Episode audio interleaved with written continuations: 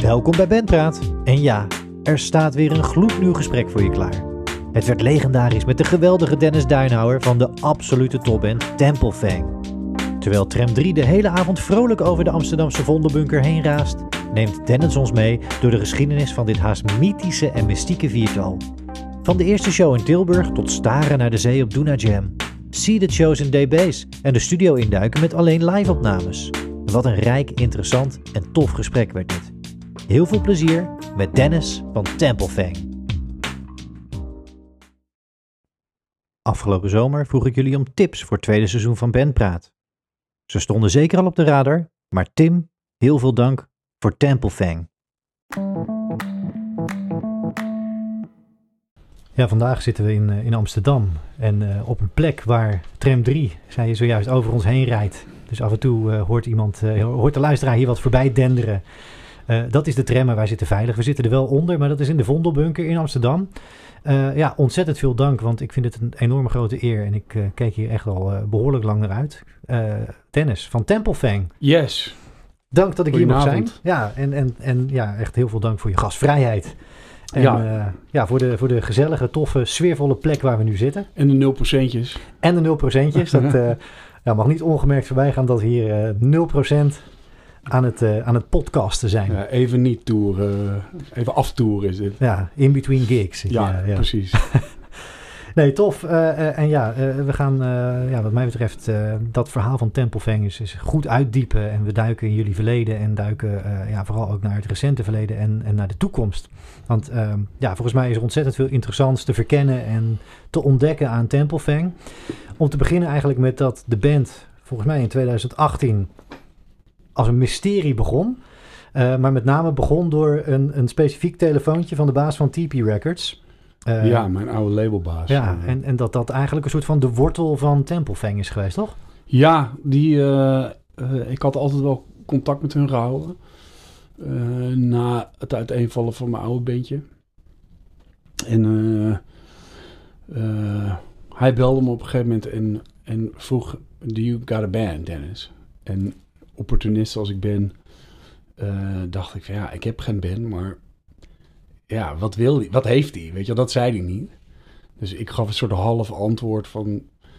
eh, Weet je wel, ja, I'm sort of jamming with some people. En uh, yeah, what's, what's kind of a band? Uh, so what do you got? Toen bleek dat hij een support act zocht voor een dinsdagavond. Twee TP-bands in de Little Devil in Tilburg. Eh, een dag voor Roadburn. Als een soort, beetje onofficieel eh, warm-up voor, voor Roadburn. Ja. En eh, toen dacht ik, ja, hoeveel tijd hebben we? Een maand of twee.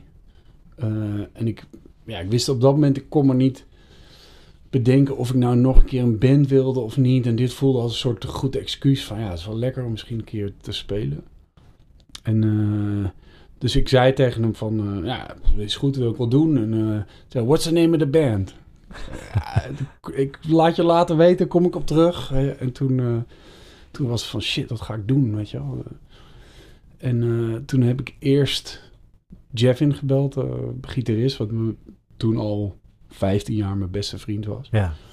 En ik dacht, misschien is die ook wel, hè, die kon ik aan hem ook wel verkopen van, hey, het is maar één show en, en eh, leuk, weet je kunnen we een keer samen een oefenhok in of ja. In ieder geval één bandlid. Precies, Ja. weet je wel. En ik dacht, nou, die krijg ik wel zover. En dat, dat was ook zo.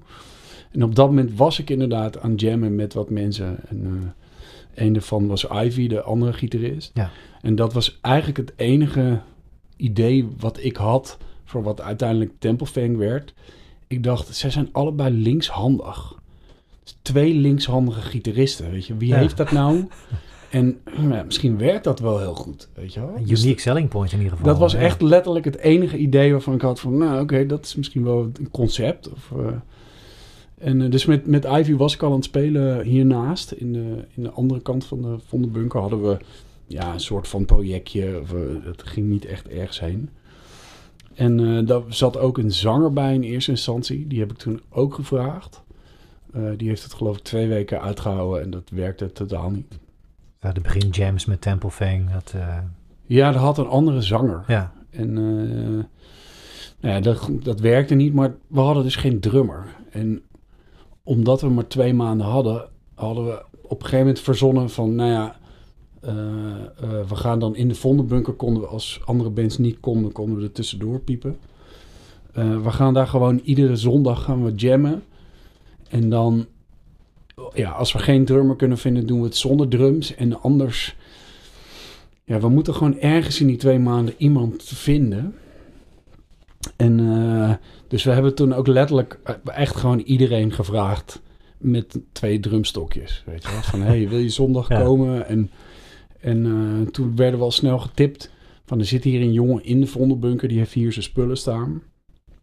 En eh, ja, die moet je vragen. En die heeft eerst twee keer nee gezegd. Van, nee, daar kan ik niet bij hebben, want ja, ik heb werk en een gezin. En, eh, en volgens mij eh, was hij ook een beetje huiverig voor het potentiële drama. Want mijn oude beentje had nogal veel drama eromheen. Ja. En dus vo- volgens, mij, volgens mij heb ik hem later dat ook aan hem gevraagd. Van, hey, jij was een beetje huiverig toch? Van die Dennis, Dead een gedoe. En, Ja. ja, ja, dat was wel zo ook.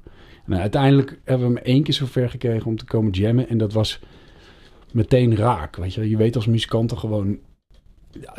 Als, het, als dat ding er is, wat wij noemen de spook van eh, Neil Young, zegt dat. Ja. Als de spook Mooi. er is, weet iedereen het.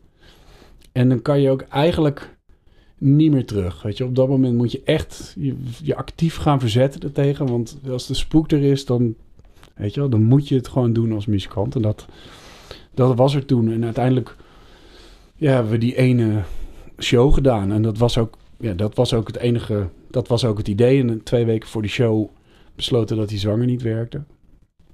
En eh Jevin zei meteen van, ik wil niet zingen. Ik zei ook meteen ja, ik ga ook niet zingen, man. Eh, ik heb echt geen zin in. En, eh, maar ja, er moest iemand zingen, want we wilden ook niet instrumentale band zijn. Dus toen hebben we besloten van, oké, jij 50%. We hadden een paar nummers soort van geschreven. Eh, jij 50%, ik 50%. En zo is, zo is het begonnen. Ja.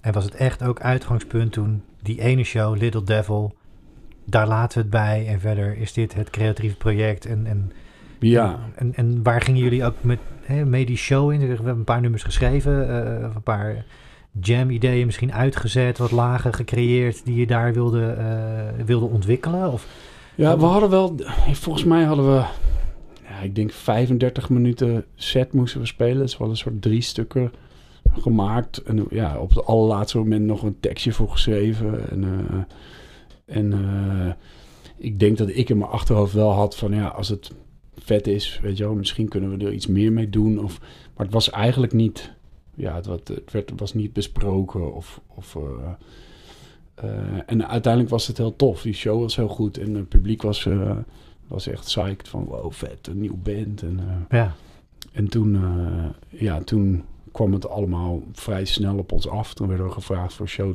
nummer 2 en show nummer 3. En toen ja, waren we los met al, alle gevolgen van die. ja, ja, want dat was met Coven, toch? En, Ja, ja, we waren gevraagd of we, of we twee shows wilden openen voor Coven. Nou, voor de luisteraars die niet weten wat Coven is. De Coven was de eerste eh occulte band eigenlijk. ja, Eind jaren 60 uit, eh, uit Californië. En eh, die waren ook heel goed toen. En die zijn eigenlijk, doordat toen dat hele Charles Manson gedoe gebeurde, eh, zijn ze eigenlijk aan de kant gezet toen. Want de hele publieke opinie was toen, weet je, alles wat occult was, was eng. En, en dus zij kwamen daardoor eigenlijk niet meer aan de bak. Maar legendarische band, eh, die overigens verschrikkelijk was. Die, die twee, show- twee shows, die waren echt... Ja, het was gewoon dat... dat die vrouw, die zangeres van, van Coven... eh, Jinx eh, heet ze. eh, oh, er komt tram 3. ja, tram 3 komt voorbij. Oh, je hoort hem goed met al die compressie. eh. Die, eh, Eh, dus en, en Jinx, Jinx was inmiddels 68, denk ik. Die, die kwam ook niet. Ze hadden ze een busje en daar bleef ze eigenlijk gewoon de hele tijd in zitten tot de, tot de show. En ze zat ze te vapen. oh, wow, dus dat was haar backstage gewoon. Het busje. Ja, dat was haar backstage. En ze had dan een jonge band om zich heen. En dan als het showtime was, dan kwam ze uit het busje en, eh, en ging ze het podium op. En ik weet nog wel dat Jeffin na twee shows, hadden we, we hadden haar nog niet ontmoet. En na twee shows zei Jeffin van, eh, fuck it man, ik, eh, ik ben hier dankbaar voor dat we mochten openen. En eh, ik ga haar bedanken. Ik zei, oké, dat wil ik zien. Dus dat busje ging open, kwam allemaal vape, vape eh, uit. En eh, toen heeft Jeffin er een hand gegeven en gezegd, hé, hey, dankjewel. En Jeffin zei ook van, ja, het is zo weird. Het was een soort wakse hand die moest schudden. En, Wauw. en zij heeft ook geld, geloof ik. Dus ze zal ook wel allerlei soort van plastische chirurgie hebben. Anyway, het was een avontuur. En omdat, omdat zij zo slecht waren, was, wa- leken wij heel goed, denk ik. Ja, En, eh, en nou ja, eh, niet jezelf gelijk eh, onderwaarderen. Nee, zeg maar, wij- weet je wel, ja. het, was, het was wel zo. Weet je wel, er, er stond een nieuwe band in dat voorprogramma. Dat waren Ja. wij dan. En ja, dat waren goede shows. Ik had laatst nog, er staat een stukje op YouTube van eh, de derde show was dat. Dus de tweede v- opener voor Coven in de 013. Ja. Ja, het is gewoon eigenlijk de band die we nu zijn. Alleen een soort baby eh, versie. Maar het was geïnspireerd. En eh, we Ja. zaten er helemaal in. Ja, ik vind het wel echt, echt fascinerend, die route eigenlijk die, eh, ja, die jullie toen zijn gaan bewandelen als van het project ontstaat met een telefoontje, maar dan ook gelijk twee grote supportshows eigenlijk in, in gewoon serieuze zalen. Ja, En- alleen en- ik bedoel, qua publiek was het niet. Ik bedoel, het lijkt op papier heel wat opener voor Coven, maar in realiteit er waren niet heel veel mensen. Of, of, maar voor ons was het, ja, Coven is wel een legendarische Ja, band. En het was ook nogal ironisch voor ons, omdat we na alles wat er met Death Alley was gebeurd, eh, heb ik me ook heel actief proberen af te keren van al dat occulte 666 gedoe. Ja, En daar stonden we ineens met Coven. Dus, niet eh, gelukt. Nee, het was, heel, het was, het was bijzonder. ja. Maar het heeft ons uiteindelijk, die eerste drie shows, ja, heeft wel echt een band van ons gemaakt. En toen, eh, ja, toen, toen moesten we er iets mee. Ja, dat is wel heel tof. En, en volgens mij eh, heb ik ergens ook eh, in een interview met jou gelezen dat je dat dat moment ook voor jou het moment was om een boeker eh, erbij te halen en te zeggen van ja, vanaf nu gaan we eigenlijk gewoon alles boeken en alles spelen wat er te spelen valt. Zelfs eh, in Blue Collar Eindhoven tegen een deurdeal. Eh, 43 euro kregen we daarvoor. Echt. Werd er afgetikt na afloop. Maar het was meters maken. Dat was gewoon echt gericht toen een soort van strategie. Even los van dat jullie gewoon lekker wilden spelen en lekker dingen wilden laten ontstaan op het podium. Was vanaf toen het doel spelen. Nou, toen, toen was het nog niet helemaal zeker ook omdat ik had, voelde ook een soort verantwoordelijkheid ten opzichte van de rest. Dat eh, eh, ik kan heel gedreven zijn en daardoor ook mijn soort gedrevenheid projecteren op andere mensen. En dat wilde ik niet. Dus ik wilde ook dat het echt vanuit iedereen kwam van hé, hey, laten we dit gaan doen. En volgens mij was ik zelf ook helemaal nog niet echt overtuigd van eh, ja, dat ik hier heel veel tijd en moeite in wilde gaan stoppen. Ik wist ook niet of, dat, ja, of ik dat nog een keer wilde doen. En, en, eh, eh, dus het was eigenlijk pas... We hadden die boeker, die had ook die twee shows eh, geregeld, Sam. En die zag er meteen wat in. En, dus wij hebben in eerste instantie nog een beetje tegengas gegeven. Van, ho, niet te snel. En we weten, we, hebben, we hadden amper materiaal eigenlijk. En eh, het was het moment dat, eh, dat Roadburn ons vroeg eh, voor de 2019 versie. Ja.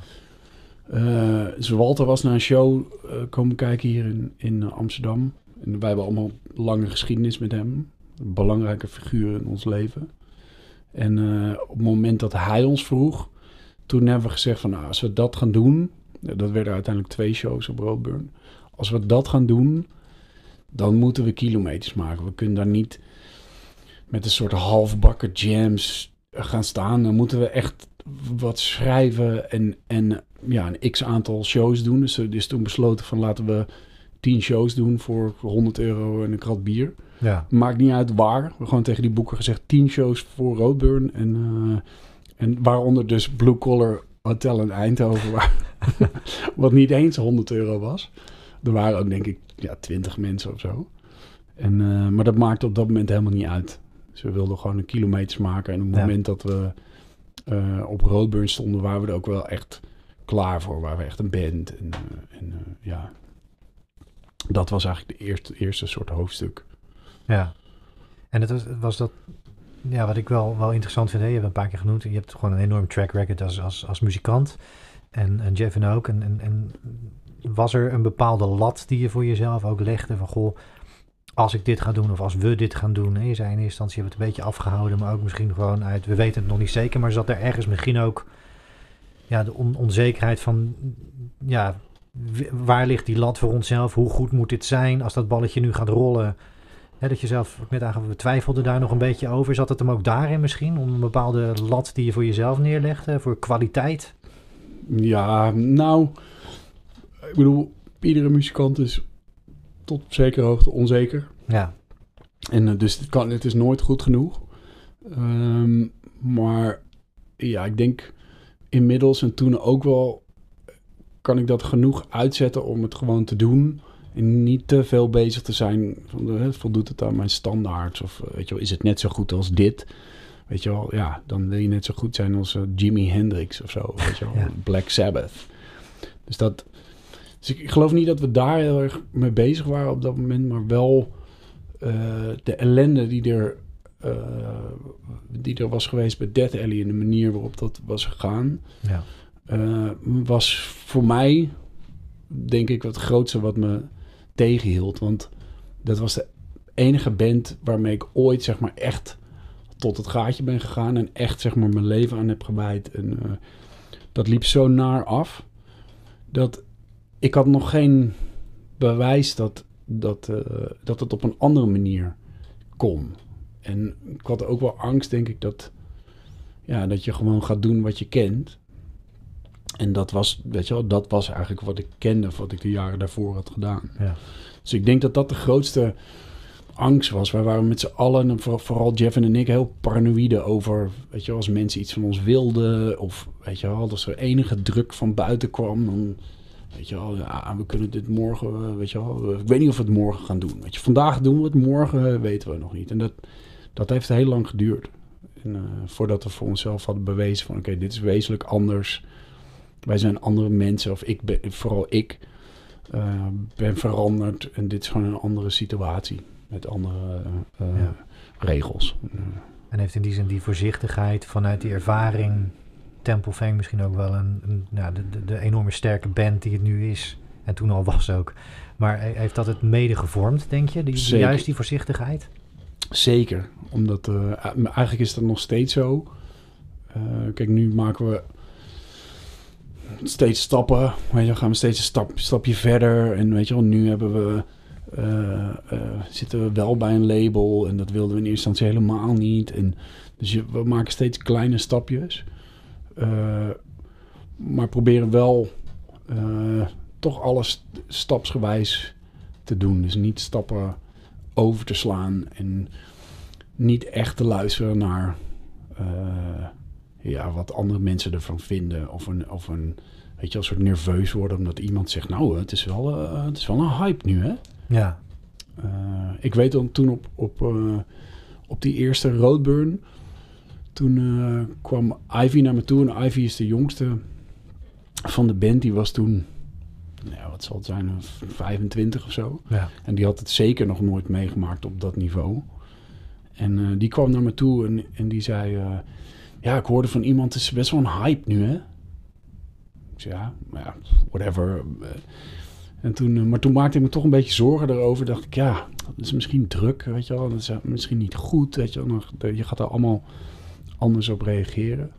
En toen had ik een gesprek met uh, Piet van Peter Pan Speedrock.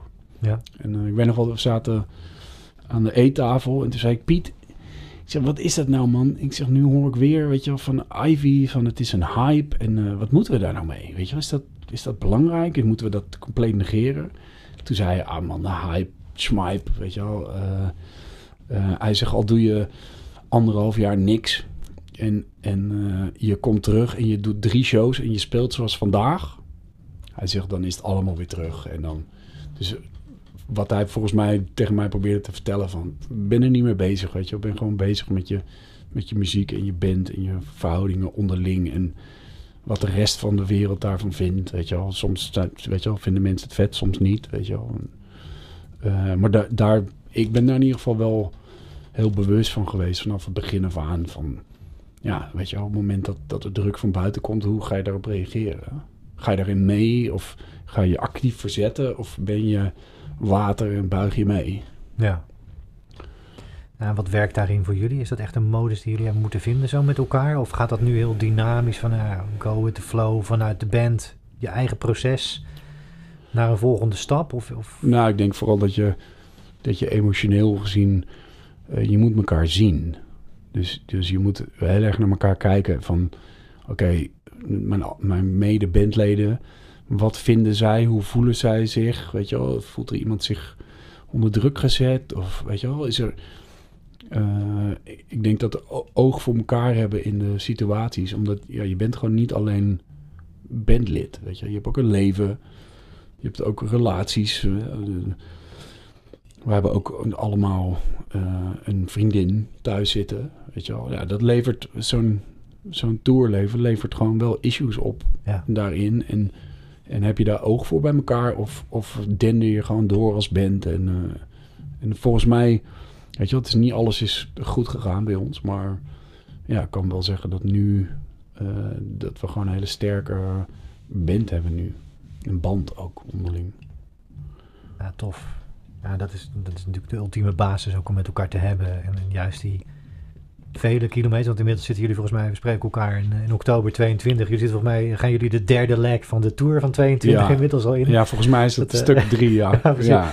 Dus dat, ja, dan, dan maak je ook letterlijk, uh, hebben we het straks ook nog over natuurlijk, maar uh, enorm veel kilometers met elkaar. Ja, dat, wij dat, zitten heel vaak met elkaar in een busje. Ja, en dan, dan moet je ook dat sociale leven met elkaar natuurlijk kunnen trekken.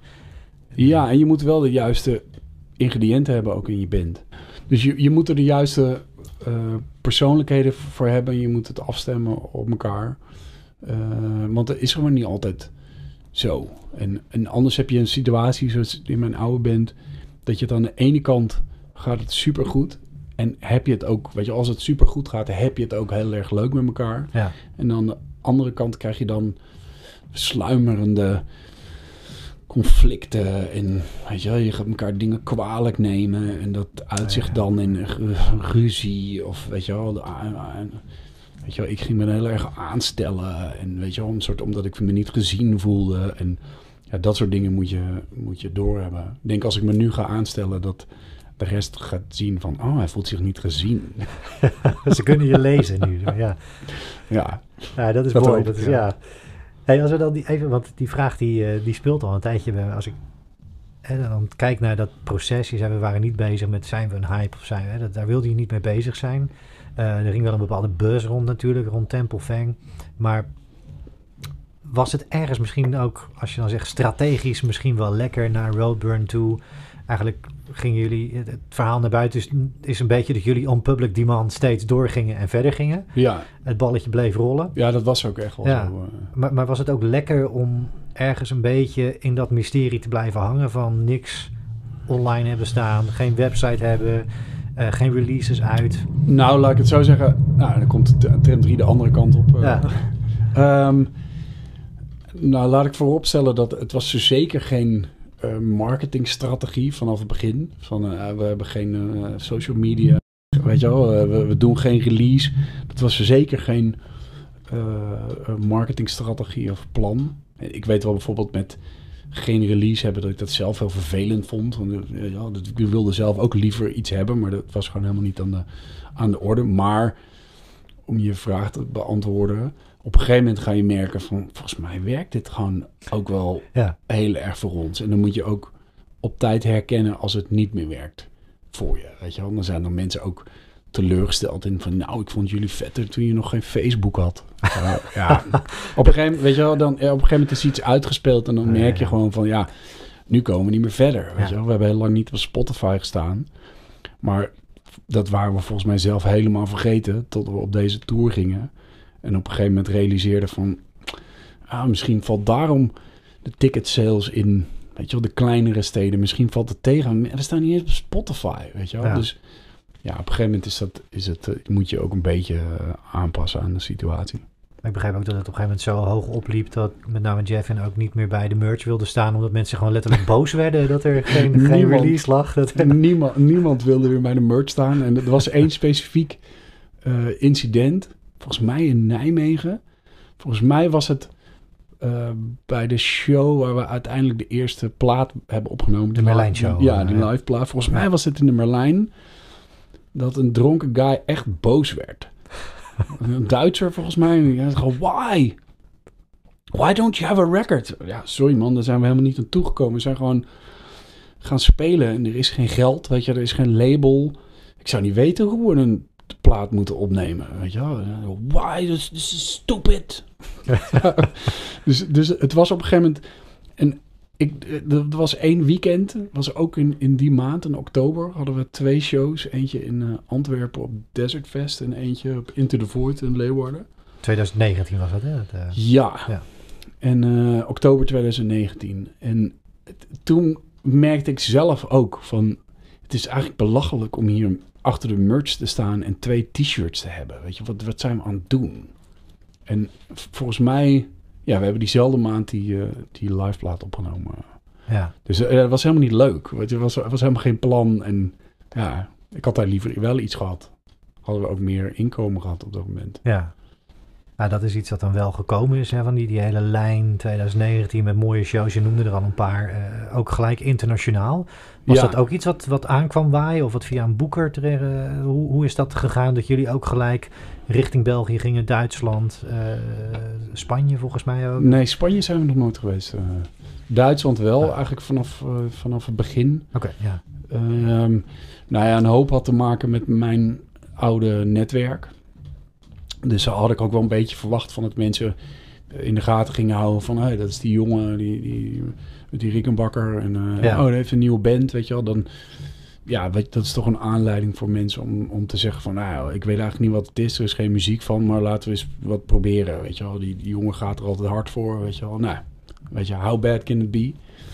En, ehm, maar de- eigenlijk alles, alles in het buitenland is zonder boeker gegaan. Dus dat is wel allemaal afgehandeld door onze Nederlandse boeker. ja. Maar dat ging eigenlijk, was een soort domino effect. En eigenlijk nog steeds op deze tour is nog steeds allemaal domino van toen. Ja, toch. En merk je ook wel dat, dat eh, kijken naar, we hebben het in de podcast met andere bands regelmatig gehad over hoe bands uit Nederland, hoe muziek ontvangen wordt in, in eigen land en in het buitenland. Eh, nou heb jij natuurlijk enorm, eh, enorm veel ervaring met spelen in het buitenland ook, maar kan je daar vanuit Temple Fang nu ook zeggen van ja, een bepaalde vibe hangt daar anders als we in Duitsland spelen of België of van mij recent ook deze zomer nog in Portugal op een festival Ja. gestaan. Ja, dat was te gek. Merk je daar dan echt, ja, de, de muziek wordt daar anders ontvangen, eh, het publiek staat daar anders in een zaal of op een festival? Nou, ehm, kom ik uit een lange lijn van bandjes die, die altijd eh, internationaal hebben gedacht. Dus ik, ik heb dat geleerd eigenlijk vanaf mijn eerste band met Jevin, bijna twintig jaar geleden. Eh, die toerde ook gewoon met, meteen in een busje en meteen naar Engeland. En, eh, ehm, als je internationaal denkt, dan... ehm, ik, ik heb eigenlijk zelden een verschil gezien in reactie van het publiek tussen, weet je wel, natuurlijk heb je verschillende landen en weet je wel, Duitsers die reageren überhaupt anders op, hè, op, op, op live muziek dan eh, de Portugezen, bij wijze van spreken. Ja. Maar, maar als je als band die instelling hebt van het maakt niet uit waar we spelen, we maken gewoon muziek en weet je we zingen in het Engels, dat helpt ook. Ehm, maar voor, in, in mijn beleving heeft het maakt het niet uit waar je speelt. Weet je? We spelen ook niet anders in Duitsland dan in Nederland. Of, eh, daarbij moet ik wel opmerken dat, dat eh, ja, voor ons is Duitsland wel, wel de promised land. Ja? Ja, je merkt gewoon, wij doen het gewoon beter in Duitsland dan waar dan ook. Of Duitsland, de Duits sprekende gebieden. Dus Duitsland, Oostenrijk, Zwitserland. Dat heeft, ja, ik denk dat het, het is gewoon, eh, de heavy muziek is daar gewoon iets groter dan hier. Eh, en Duitsland is ook nog eens heel erg groot. We hebben, in, Ja. in, eh, we hebben wel eens uitgerekend dat je in Duitsland, als je zou willen, dat je fulltime kan toeren. Dus dat je in een jaar kan je gewoon het hele land door. Er zijn gewoon genoeg steden met genoeg venues om te spelen. Dus je zou gewoon een soort permanente Duitsland tour. gewoon, weet je wel, een busje kopen met z'n allen in, in wonen. En dan gewoon, weet je wel, heel Duitsland door. dat kan dus, weet je wel. Dus ik denk dat wij vanaf deze tour beseffen dat we echt mazzel hebben als Nederlandse band. Want wij zitten gewoon om de hoek bij Duitsland. Stel dat je een Zweedse band bent, Ja. eh, ja, dan ga je gaat toch minder makkelijk naar Duitsland. Maar wij kunnen gewoon weekendjes Duitsland doen. Ja, dat is ideaal. Ja. Geweldig. ja, En, en in die zin ook redelijk makkelijk dan te realiseren ook. Ja. En eh, dus eh, eigenlijk hebben we ook, weet je, wat doen dan eh, van die uitschieters zoals Portugal en een showtje in Frankrijk. En, en eh, maar voor dit seizoen hadden we toch eigenlijk wel met elkaar afgesproken van, hey, we zijn gewoon nog te klein om een, een Europese headline tour te doen. Dus echt in een busje te gaan en dan, eh, weet je wel, 30 dagen, 30 shows te doen. Ja. Eh, dan moet je ook ergens op dinsdag spelen, weet je wel. En dat, dat, volgens mij zag niemand van ons dat zitten. En toen hebben we gezegd van ja, laten we dan gewoon op Duitsland focussen. In eerste instantie en alles wat, wat daarbij komt is meegenomen. Maar we gaan ons gewoon focussen op Duitsland. En dat is uiteindelijk... Dus we hebben niet mega veel shows in Duitsland gedaan. Is een beetje all over. Eh, maar we hebben nu een Duits label. Een Duitse boeker. Dus dat is ook niet toevallig. eh. Maar dat zijn gewoon de goede eerste stappen om te zetten. En op, op, ja, op weg naar die zegentocht richting, of door Duitsland dan. Wie weet, ja, wie weet. Misschien doen we het een keertje. eh, Ja, Een grote bak subsidie erbij. ja, het zou schitterend zijn. Ja. Dat is wel een goed idee, toch? ja, nee, super. Ja. Nee, eh, die houden we in de gaten als, eh, als, als toekomstmuziek. Dat zou ontzettend tof zijn. Hey, als we, ehm, want, want je noemde het net al even, hè, dat, dat incident in waarschijnlijk Merlijn met, met de Duitse fan die, Ja. die, die vinyl eiste. Ehm, Ja. Dat is iets wat, wat is gaan rollen. Daar zit ook een mooi verhaal volgens mij. Vast jullie hebben die hele reeks, hele bak shows gespeeld. En ehm, uiteindelijk besloten, oké, we gaan dit doen. Maar dat hebben jullie in principe niet in eerste instantie zelf besloten. Maar dat was een crew dingetje. Ja. Van ja, jongens, dit is te belachelijk voor woorden. Eh, de mensen uit jullie crew die vonden, we gaan dit desnoods zelf doen. Eh, maar er moet vinyl komen. Er kwam uiteindelijk vinyl, er is cassette recent nog gekomen. ja. Dat, zij hebben eigenlijk dat, dat setje gegeven, volgens mij, toch? Ja, er was al, er was al we hebben een, een, een vaste crew, eigenlijk vanaf het begin van, van af aan, die zijn er nog steeds bij. En, eh, maar er begon een beetje iets te leven eh, in die crew, vooral ten opzichte van mij en Jevin, dat ze ons ook een beetje aanstellers vonden. Dat wij moeilijk aan het doen waren om het moeilijk doen. Een hele moeilijke artiesten, eh, wel. En, en eh, dus er er werd al een beetje gemoord van dit is belachelijk, weet je. Het wordt nu echt belachelijk. En op een gegeven moment, er was een tourweekend waar eh, onze mercher toen de tijd, nu onze tourmanager en onze geluidsman, die ging vast naar bed en zij bleven eh, nog, nog wakker. En toen hoorde ik in het gesprek wat zij hadden, hoorde ik de een tegen de ander zeggen, fuck it man, fuck it, wat zij ervan vinden. Wij gaan gewoon, jij gaat alles opnemen. En dan gaan we het gewoon zelf. Dan beginnen we gewoon een bandcamp. En dan gaan we Grateful Dead-style gewoon al die opnames erop gooien. En wat ze ook vinden, weet je, we gaan het gewoon doen. Bootleggen. ja, en toen, Ja. Ben ik, toen ben ik opgestaan met mijn pyjama de woonkamer ingerend. Van, oké, gaan jullie dat doen? Ja, dat gaan we doen. Oké, oké. Laten we dan in ieder geval zeggen, we gaan alle shows opnemen. Vanaf nu af aan, als het kan. Eh, en dan, ja, dan gaan we later kijken wat we daarmee gaan doen. En uiteindelijk die eerste drie shows die we hadden opgenomen. Ja, er was er eentje, was echt een uitschieter. En toen, eh, ja, ik weet niet wie dat heeft besloten, maar ineens was er een plaat. En, eh, dus met dank aan, aan Steve en Nick. Ja, ja, shout-out ook in de podcast. absoluut, ja. absoluut. Ja, want dat is, dat is wel heel tof. Het, het is ook tekenend volgens mij voor, voor die eerste jaren Tempelfang dat dat heel erg DIY gegaan is. Ja, Dat jullie ook echt inderdaad, eh, nou de, de, de bruine hoes met stempel, dat is eh, gelimiteerd ook, 200, 300 stuks. waren Bandcamp. toen de eerste, de, de, De eerste run. eerste run was 300. Ja.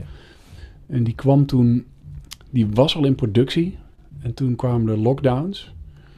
En toen realiseerden we ons van, oh my god, we hebben gewoon die, die plaat in productie. En zometeen krijgen we die en dan hebben we iets van inkomen, weet je wel. Ja. Bij bands is toch, shows is gewoon waar, waar het geld vandaan komt. Ja. Dus, eh, dus die, die kwam uit en die was binnen ja, twee, drie dagen weg. Bizar. Ja, dat was bizar voor ons. En, en eh, het gaf ons ook echt het gevoel van oké, er is support. Ja, tram 3. Yes. Ehm, de, ja, dat, dat gaf ons echt het idee van dus we hebben gewoon luisteraars. En in hoeverre dat zo is, weet ik niet. Maar dat je je ook als band in die lockdowns gesteund voelde. Van oké, misschien bestellen mensen dit wel gewoon om te zeggen van fuck it, die jongens hebben geen inkomen nu, weet je wel. Hoe, hoe dan ook, die, die platen waren zo weg, dus die is nu aan de derde druk bezig. Dus eh, ja, ik denk dat we er 700 van hebben verkocht van een live plaatje. Ja, wat ik echt heel tof vind is, is, is want volgens mij is niet alleen die plaat zo ontstaan. En jullie zijn heel veel op gaan nemen. En, en de hele, hele, ja, eigenlijk bijna een soort van studio-dynamiek is eigenlijk een live-dynamiek voor jullie geworden. Voor alles wat jullie tot nu toe gereleased hebben. Ja, Eh, maar ook daaromheen merch. eh, heel veel vanuit de pen van Jeffin natuurlijk. ja, Maar volgens mij ook eh, dat jij dan de shirt staat te drukken. En het, is, het, is, het is heel erg een proces via Bandcamp als platform. ja, Wat, ja, wat eigenlijk ook weer ontzettend tof tekenend voor jullie is, in, in mijn ogen, gewoon even als buitenstaander. Maar ik vind dat ontzettend tof dat jullie dat zo, zo, zo doen en daar ook echt de following mee bedienen in die zin. Dat het gewoon ook nog steeds zo weg is. En, ja, nou ja, shout-out naar Bandcamp sowieso. ja, Want, want ehm, ik hoor, ik lees vooral eh, heel veel bands en dan ook wat oudere bands die zich beklagen over. Hè, dat was al voor de pandemie, maar ja, het is niet meer zoals vroeger en er zijn geen platenmaatschappijen meer die we geld pompen in bands Ja. en vroeger was alles beter. Maar voor een band als ons, zeg maar van ons niveau hè, waarop wij opereren, is dit een super goede tijd. Weet je, als je als als, als onafhankelijke band duizend vinyl via een bandcamp kan verkopen. En eh, weet je ieder t-shirt of postertje wat je zelf staat te drukken is binnen een week weg. Ja, dan, dan kan je dus als band ja, heel goed jezelf bedruipen. Je moet er niet van eh, eh, willen leven, eh, alleen maar de band. Ja, de band is wel, weet je, onze band is wel financieel gezond op dit moment. En we betalen onszelf en, en iedereen met wie we werken. Niet veel, maar ja, ik heb dat nog nooit meegemaakt. Dus ja, shout-out naar Bandcamp. ja super. gek. Ja, Ja, en de mensen die, die het supporten. Want daar zijn we op deze eh, tour ook wel achter gekomen. Dat mensen heel bewust zijn van hè, de situatie waarin bands hebben gezeten tijdens de pandemie. En Ja. nog steeds, weet je, het is nog steeds echt crisis in, eh, in live muziekland. ja. Dus eh, ja, we- het heeft ons wel. Ja, het heeft ons een, een band gemaakt en ook denk ik een band gehouden. Ja, ja het is mooi Dus- dat je dat zegt. Die, want, want volgens mij is ook, ja, corona is een tijdje het verboden woord geweest in, in, de, in de podcast, want iedereen had er last van. Het is natuurlijk, ja, weer, maar juist ook in die culturele sector, in de muziek, is ja, keihard geraakt. Ja, En, maar het heeft bij jullie er in ieder geval toe geleid dat jullie, eh, en dat, dat vind ik echt een enorme stap, maar echt het totale sociale leven begin 2020 stop hebben gezet om met elkaar te zijn en een paar maanden als band ja, bijna een soort van gezamenlijke quarantaine te gaan doen om, Ja. om als band drie, vier keer per week te kunnen spelen. Ja, dat je op een gegeven moment, je, je hoort andere bands het daarover hebben. Eh, dus daar had ik zelf eigenlijk nooit over nagedacht. Maar ja, er zijn gewoon heel veel bands met, weet je wel, één lid in Amsterdam, één lid in eh, Rotterdam, weet je wel. Ja, En wij zaten met z'n vieren eh, in Amsterdam en we hadden een oefenruimte waar zelden iemand was. Eh, dus wij zijn toen in eerste instantie heel ambitieus geworden van we gaan gewoon de hele dag jammen en, en eh, dat, dat leverde, ja, ik weet niet hoeveel materiaal op en weet je wel, veel te veel. Ehm, en dat hebben we de eerste, ja, ik denk een maand of zes volgehouden. En toen kwam de klad erin in de zin van, ja, dat je gaat, gaat weet je, op een gegeven moment, je denkt dat misschien duurt het een half jaar of zo, weet je wel, die lockdowns. En dan duurt het langer. En ja, op een gegeven moment, ja, weet je wel, ik hoorde van de week iemand anders in je podcast dat ook zeggen van, ja, als je geen shows meer met elkaar doet, zeker als live band, wat we tot, tot dan toe waren puur een live band. Ja. Als je dan geen shows met elkaar doet, hoe lang hou je vol dat je een band bent? Ja. Eh, dus daar kregen we toen echt last van. Weet je wel. Toen, toen eh, sloeg de depressie toe. En ja, zaten we daar met weer een geweldig nieuw nummer van 20 minuten. En ja, waar we niks mee konden, weet je wel. Ehm, en uiteindelijk, weet je, heeft dat hele proces ertoe geleid dat onze drummer eh kwijtraakte. Ja. Dus, dus, en vanaf dat moment heeft die band een tijdje aan een zijden draadje gehangen. Ja, ja, want laten we, eh, ja, niet om oude wonden open te rijten, maar het, het, het komt vaak voorbij in, eh, in de podcast dat, dat ja, er, er bezettingswisselingen zijn. Op de een of andere manier zijn daar heel vaak drummers bij betrokken. Ik weet ja, niet of, eh, bij mij in ieder geval, in mijn leven zeker. Ja, maar, maar ja. ja, dat is natuurlijk wel een, een- een, klap voor de band ook geweest. En eh, het is ook duidelijk op, op onder andere jullie Facebookpagina te lezen dat ja, jullie hebben op een gegeven moment toch gewoon heel erg getwijfeld. Is dit wat we blijven doen? Gaat dit door? Eh, maar tegelijkertijd was daar toen het verlossende woord, maar eigenlijk meer met een soort van open, of op- open vacature op jullie Facebookpagina van, van goh, drummers in de landen, meld je. ja, maar dat heeft best wel lang geduurd. Eh, we- we- Weet je wel, op dat moment, eh, Jasper, onze oude drummer, had, was de enige van ons die nog wel werk had. En die moest thuis werken en die had ook zijn kinderen thuis. En dat was altijd al een situatie dat hij een gezin had en een baan. Terwijl wij, weet je wel, allemaal een soort freelance beunhazen waren en zijn. en, eh, maar we, we zijn, weet je, we hebben altijd geprobeerd. We wisten eh, wat zijn situatie was toen, toen we de band begonnen. En dat hebben we ook echt proberen te eren heel lang. Dus gezegd, oké, we gaan niet toeren. Hè, we gaan die losse shows doen. En, en eh, op het moment dat die pandemie kwam en die lockdowns. Ja, hij zat thuis met werk en kinderen, moesten kinderen thuis eh, lesgeven. En wij hadden helemaal niks te doen. Dus dat ging al, dat liep al een beetje Ja. scheef. En dus op dat moment, ja, wij nam- namen echt alles aan om, om onszelf een band te voelen. Dus we gingen heel veel muziek schrijven en, en eh, uiteindelijk eh mondde dat uit in een idee. Eh, we gaan een soort mega eerste studio plaat maken. Een driedubbele LP. We hadden, ja, ik weet niet hoeveel muziek eh, klaar daarvoor, of een soort van klaar. En een heel plan voor gemaakt van... eh, we gaan... Er was toen eens een, een kleine window in 2020, eind 2020, dat je seeded shows Ja, mocht doen. En wij hadden alles, wij namen alles aan. Van oké, seeded shows. Oké, toen- toen mochten er ineens maar 30 personen eh, bij een show zijn. Dus uiteindelijk, we hadden volgens mij vier shows geboekt. Maar dan vier keer drie. Dus drie shows Ja, op een ja. dag. En ja. intense eh, speelervaringen. eh, Idioot. Ja, Maar als je heel veel nieuw materiaal hebt, een ideale kans om dat materiaal Ja. eh, warm te draaien. Ja. Dus we hadden een heel soort tijdslijn gemaakt van oké, we gaan die 4 keer 3, 12 shows doen. Eh, dan gaan we de studio in, doen we pre-productie, nemen we het allemaal één keertje op. We nemen de shows op, want dan weet je, ook, kunnen we eh, luisteren naar, naar wat er wel goed ging, wat er, wat er niet werkte. Heel plan gemaakt en we gingen de studio in en voor de pre-productie. En toen was het duidelijk dat het, het was gewoon te veel voor, voor de drummer. En eh, het was zo ontzettend veel materiaal, geloof ik. Ja, 120 minuten muziek of zo. En, eh, en toen werd duidelijk van... En wij we hebben daar ook... Weet je, we hadden het eerder over emotioneel... eh, weet je wel, intelligentie hebben en, en je, je bandleden zien.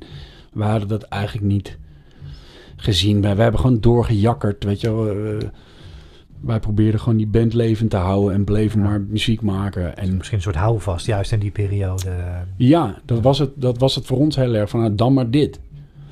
En ehm, het was voor hem te veel. En eh, dat bleek dat, weet je wel, wij hebben toen nog tegen hem gezegd van hé, hey, eh, het is maar pre-productie, weet je, het hoeft echt niet perfect te zijn, daarom doen we dit. Ja, Eh, netto resultaat was dat ja, hij gewoon ineens niet meer de drummer was van Templefane. Dus wij zaten met dat enorme project eh, wat we wilden doen ja, zonder drummer. Toen eh, hebben we in eerste instantie besloten eh, van nou laten we die iemand stuurde ons, onze geluidsman die alles had opgenomen, die stuurde ons de opnames van die drie shows, was een DB's in Utrecht. Ja, de beroemde shows. Ja, dus er waren drie shows doorgegaan. Eh, dus één, één dag. En toen kwam de volgende Ja. lockdown. Dus die andere drie shows werden gecanceld. Dus uiteindelijk, we hadden de preproductie in de studio niet gedaan. En die shows niet gespeeld. Behalve die, die ene dag in DB's. De officieel laatste show van Nederland hebben jullie volgens mij Dat was gespeeld, ja, ja. iemand maakte een grapje erover. En toen hebben we het nagezocht. Het was op een zondag. En op maandag ging eh, de lockdown in.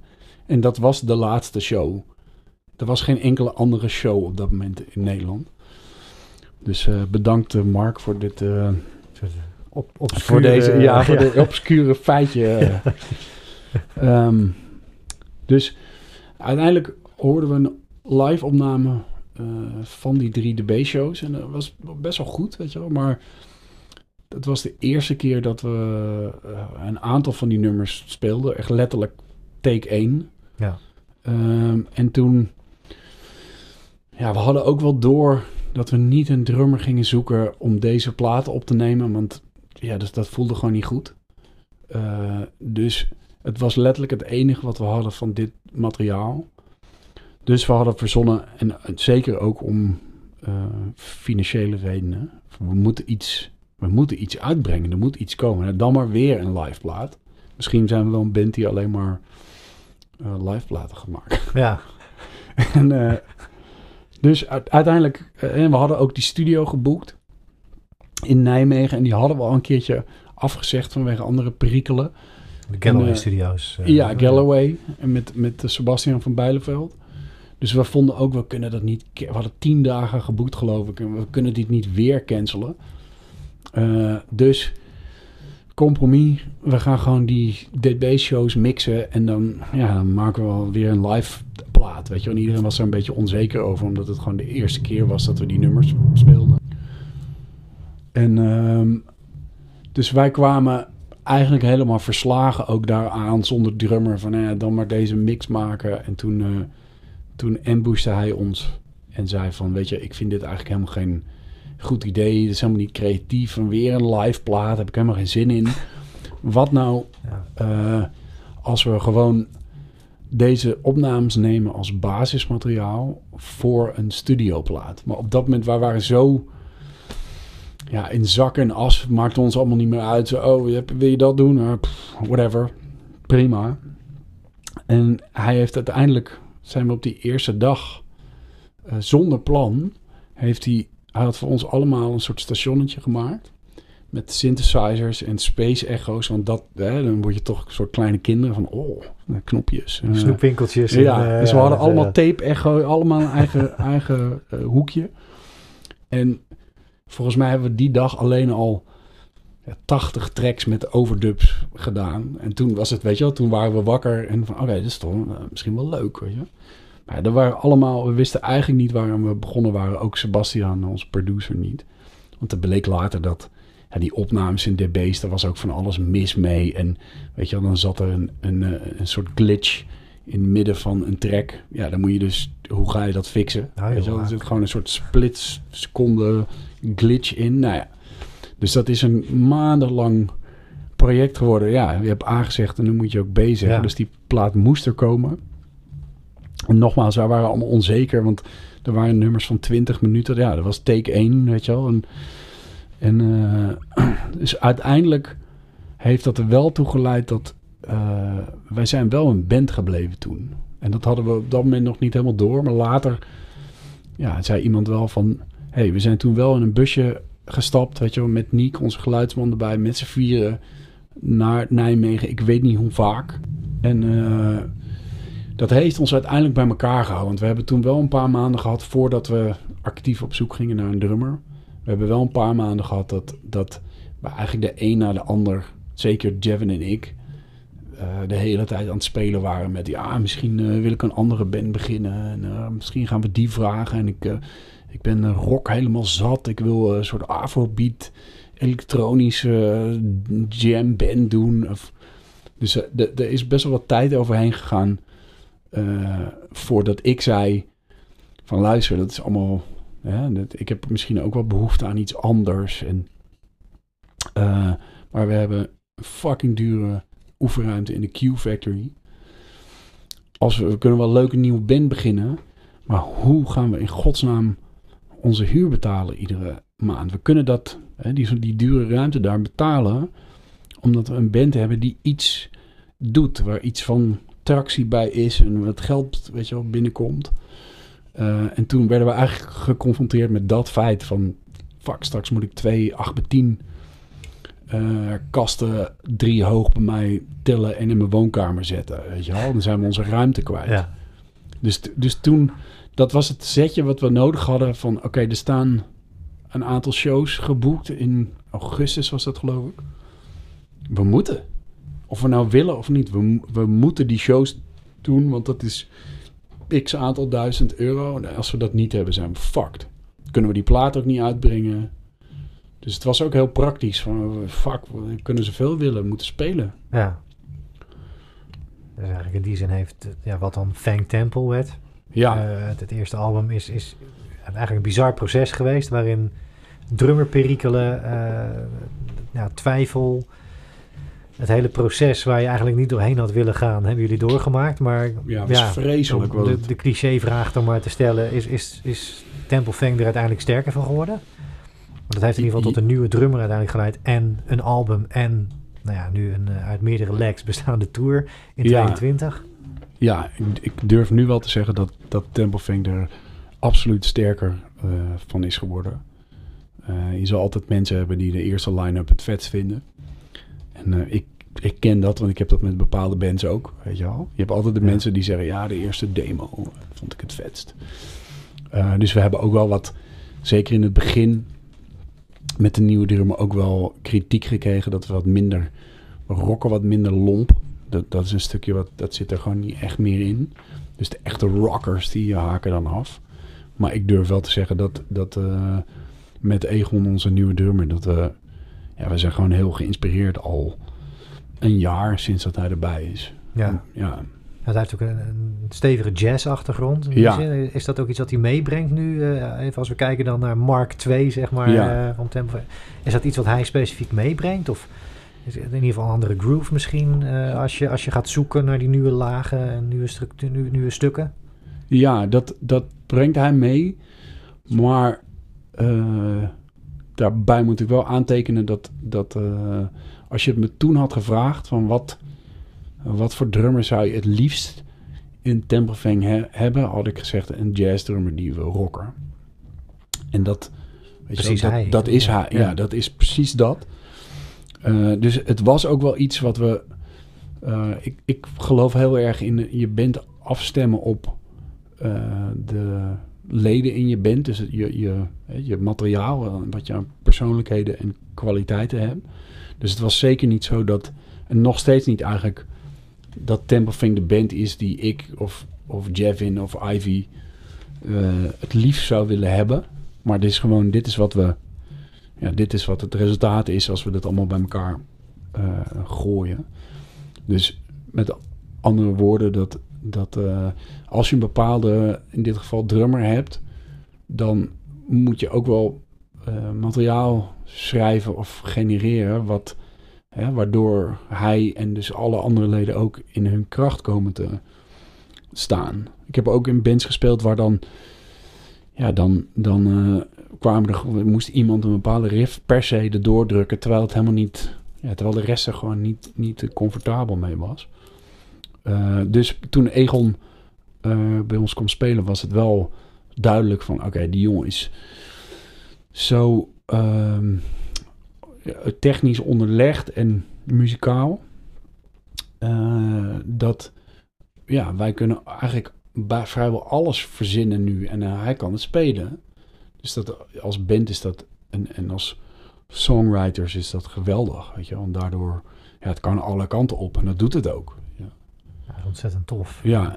Ja, met resultaat natuurlijk. Dat, uh, dat zeg ik dan even op persoonlijke titel. Uh, maar het, het, is en blijft ontzettend tof wat jullie maken. En uh, ja, ja, met thanks. veel plezier kan ik daar echt, echt ja, dat moet ook wel minutenlang in opgaan.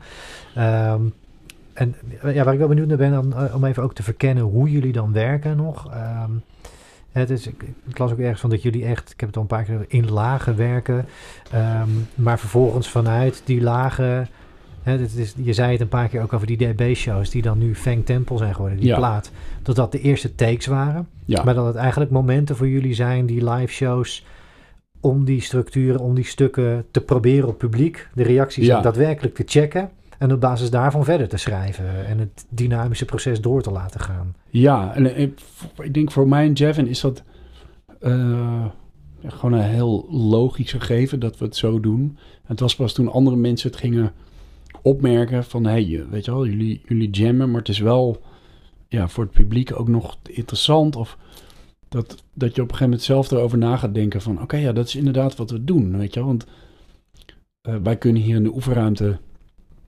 uren jammen... en dan maakt het niet uit, want dan is er niemand erbij en dan kan alles. Maar zodra we dat live doen... eh, is het publiek daar een hele belangrijke factor in. Want Ja. je, je wil ze op het puntje van hun stoel houden.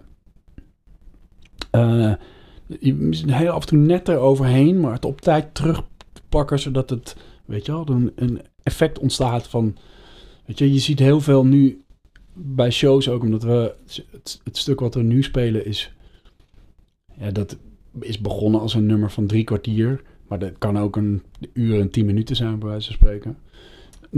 Al naar gelang de reactie van het publiek. Dus als je het, op een gegeven moment voel je eh, als band of je, dat, of je het publiek mee hebt. Ja. En Voel je een dat moment- collectief? ja. Of heb je daar echt, jij als, als toch min of meer frontman, heb jij daar een soort centrale rol in? Of Ja, push je dat samen met Egon misschien als ritme? wij hebben al, we allemaal, bedoel, het is echt een collectief ding. Maar ik sta in het midden vooraan. Eh, dus ik denk dat ik ben wel vaak een van de eerste die soort, soort eh, eh, het initiatief neemt van oké, nu moeten we schakelen. Ja, Maar er komt ook soms, ben ik uitermate zelfbewust en weet je, vindt de rest achteraf van, nee, je ging veel te vroeg daar naartoe, weet je wel. Ik, ik denk dat ik als meeste de echte verantwoordelijkheid voel van, oké, nu, ik voel nu gewoon eh, dat mensen, weet je, het zit nu op de rand, we moeten nu schakelen. En af en toe zit ik er helemaal naast. Eh, maar ik denk dat we als, als band collectief gewoon eh goede antenne hebben. Van oké, hebben, we, hebben we die mensen, weet je wel, kunnen we ze nog hier even, even houden of moet het, moet het door? ja tof. Eh, en weet je wel, de, de- het is ook, we spelen een beetje in het, het stoner rock genre, dus we spelen heel veel van die festivals.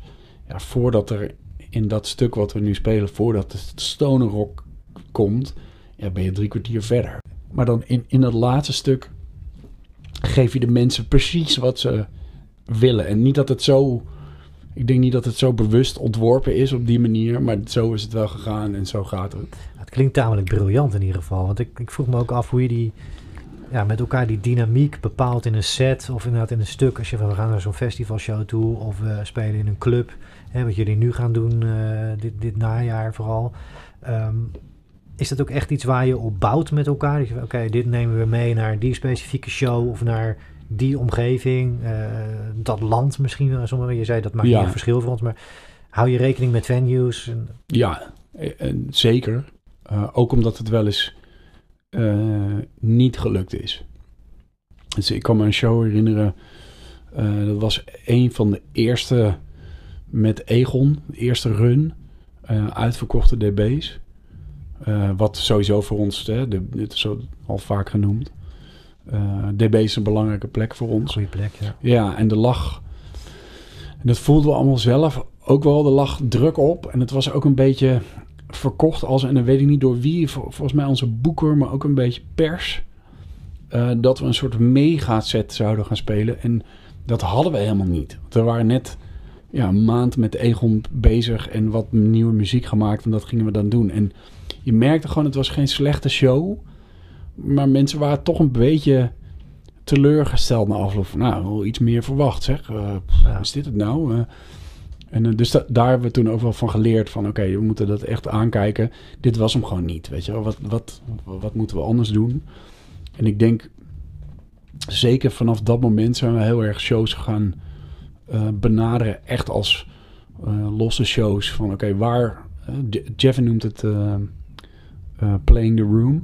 Dus eh, waar ben je Wie staan er voor je neus? Eh, is het een genrefestival? Dan spelen we met allemaal stoner rock bands. Staan we op een mainstream festival tussen... Ja, in Nederland tussen, tussen top 40 acts. Staan we te headlinen in een clubshow. Wat is het?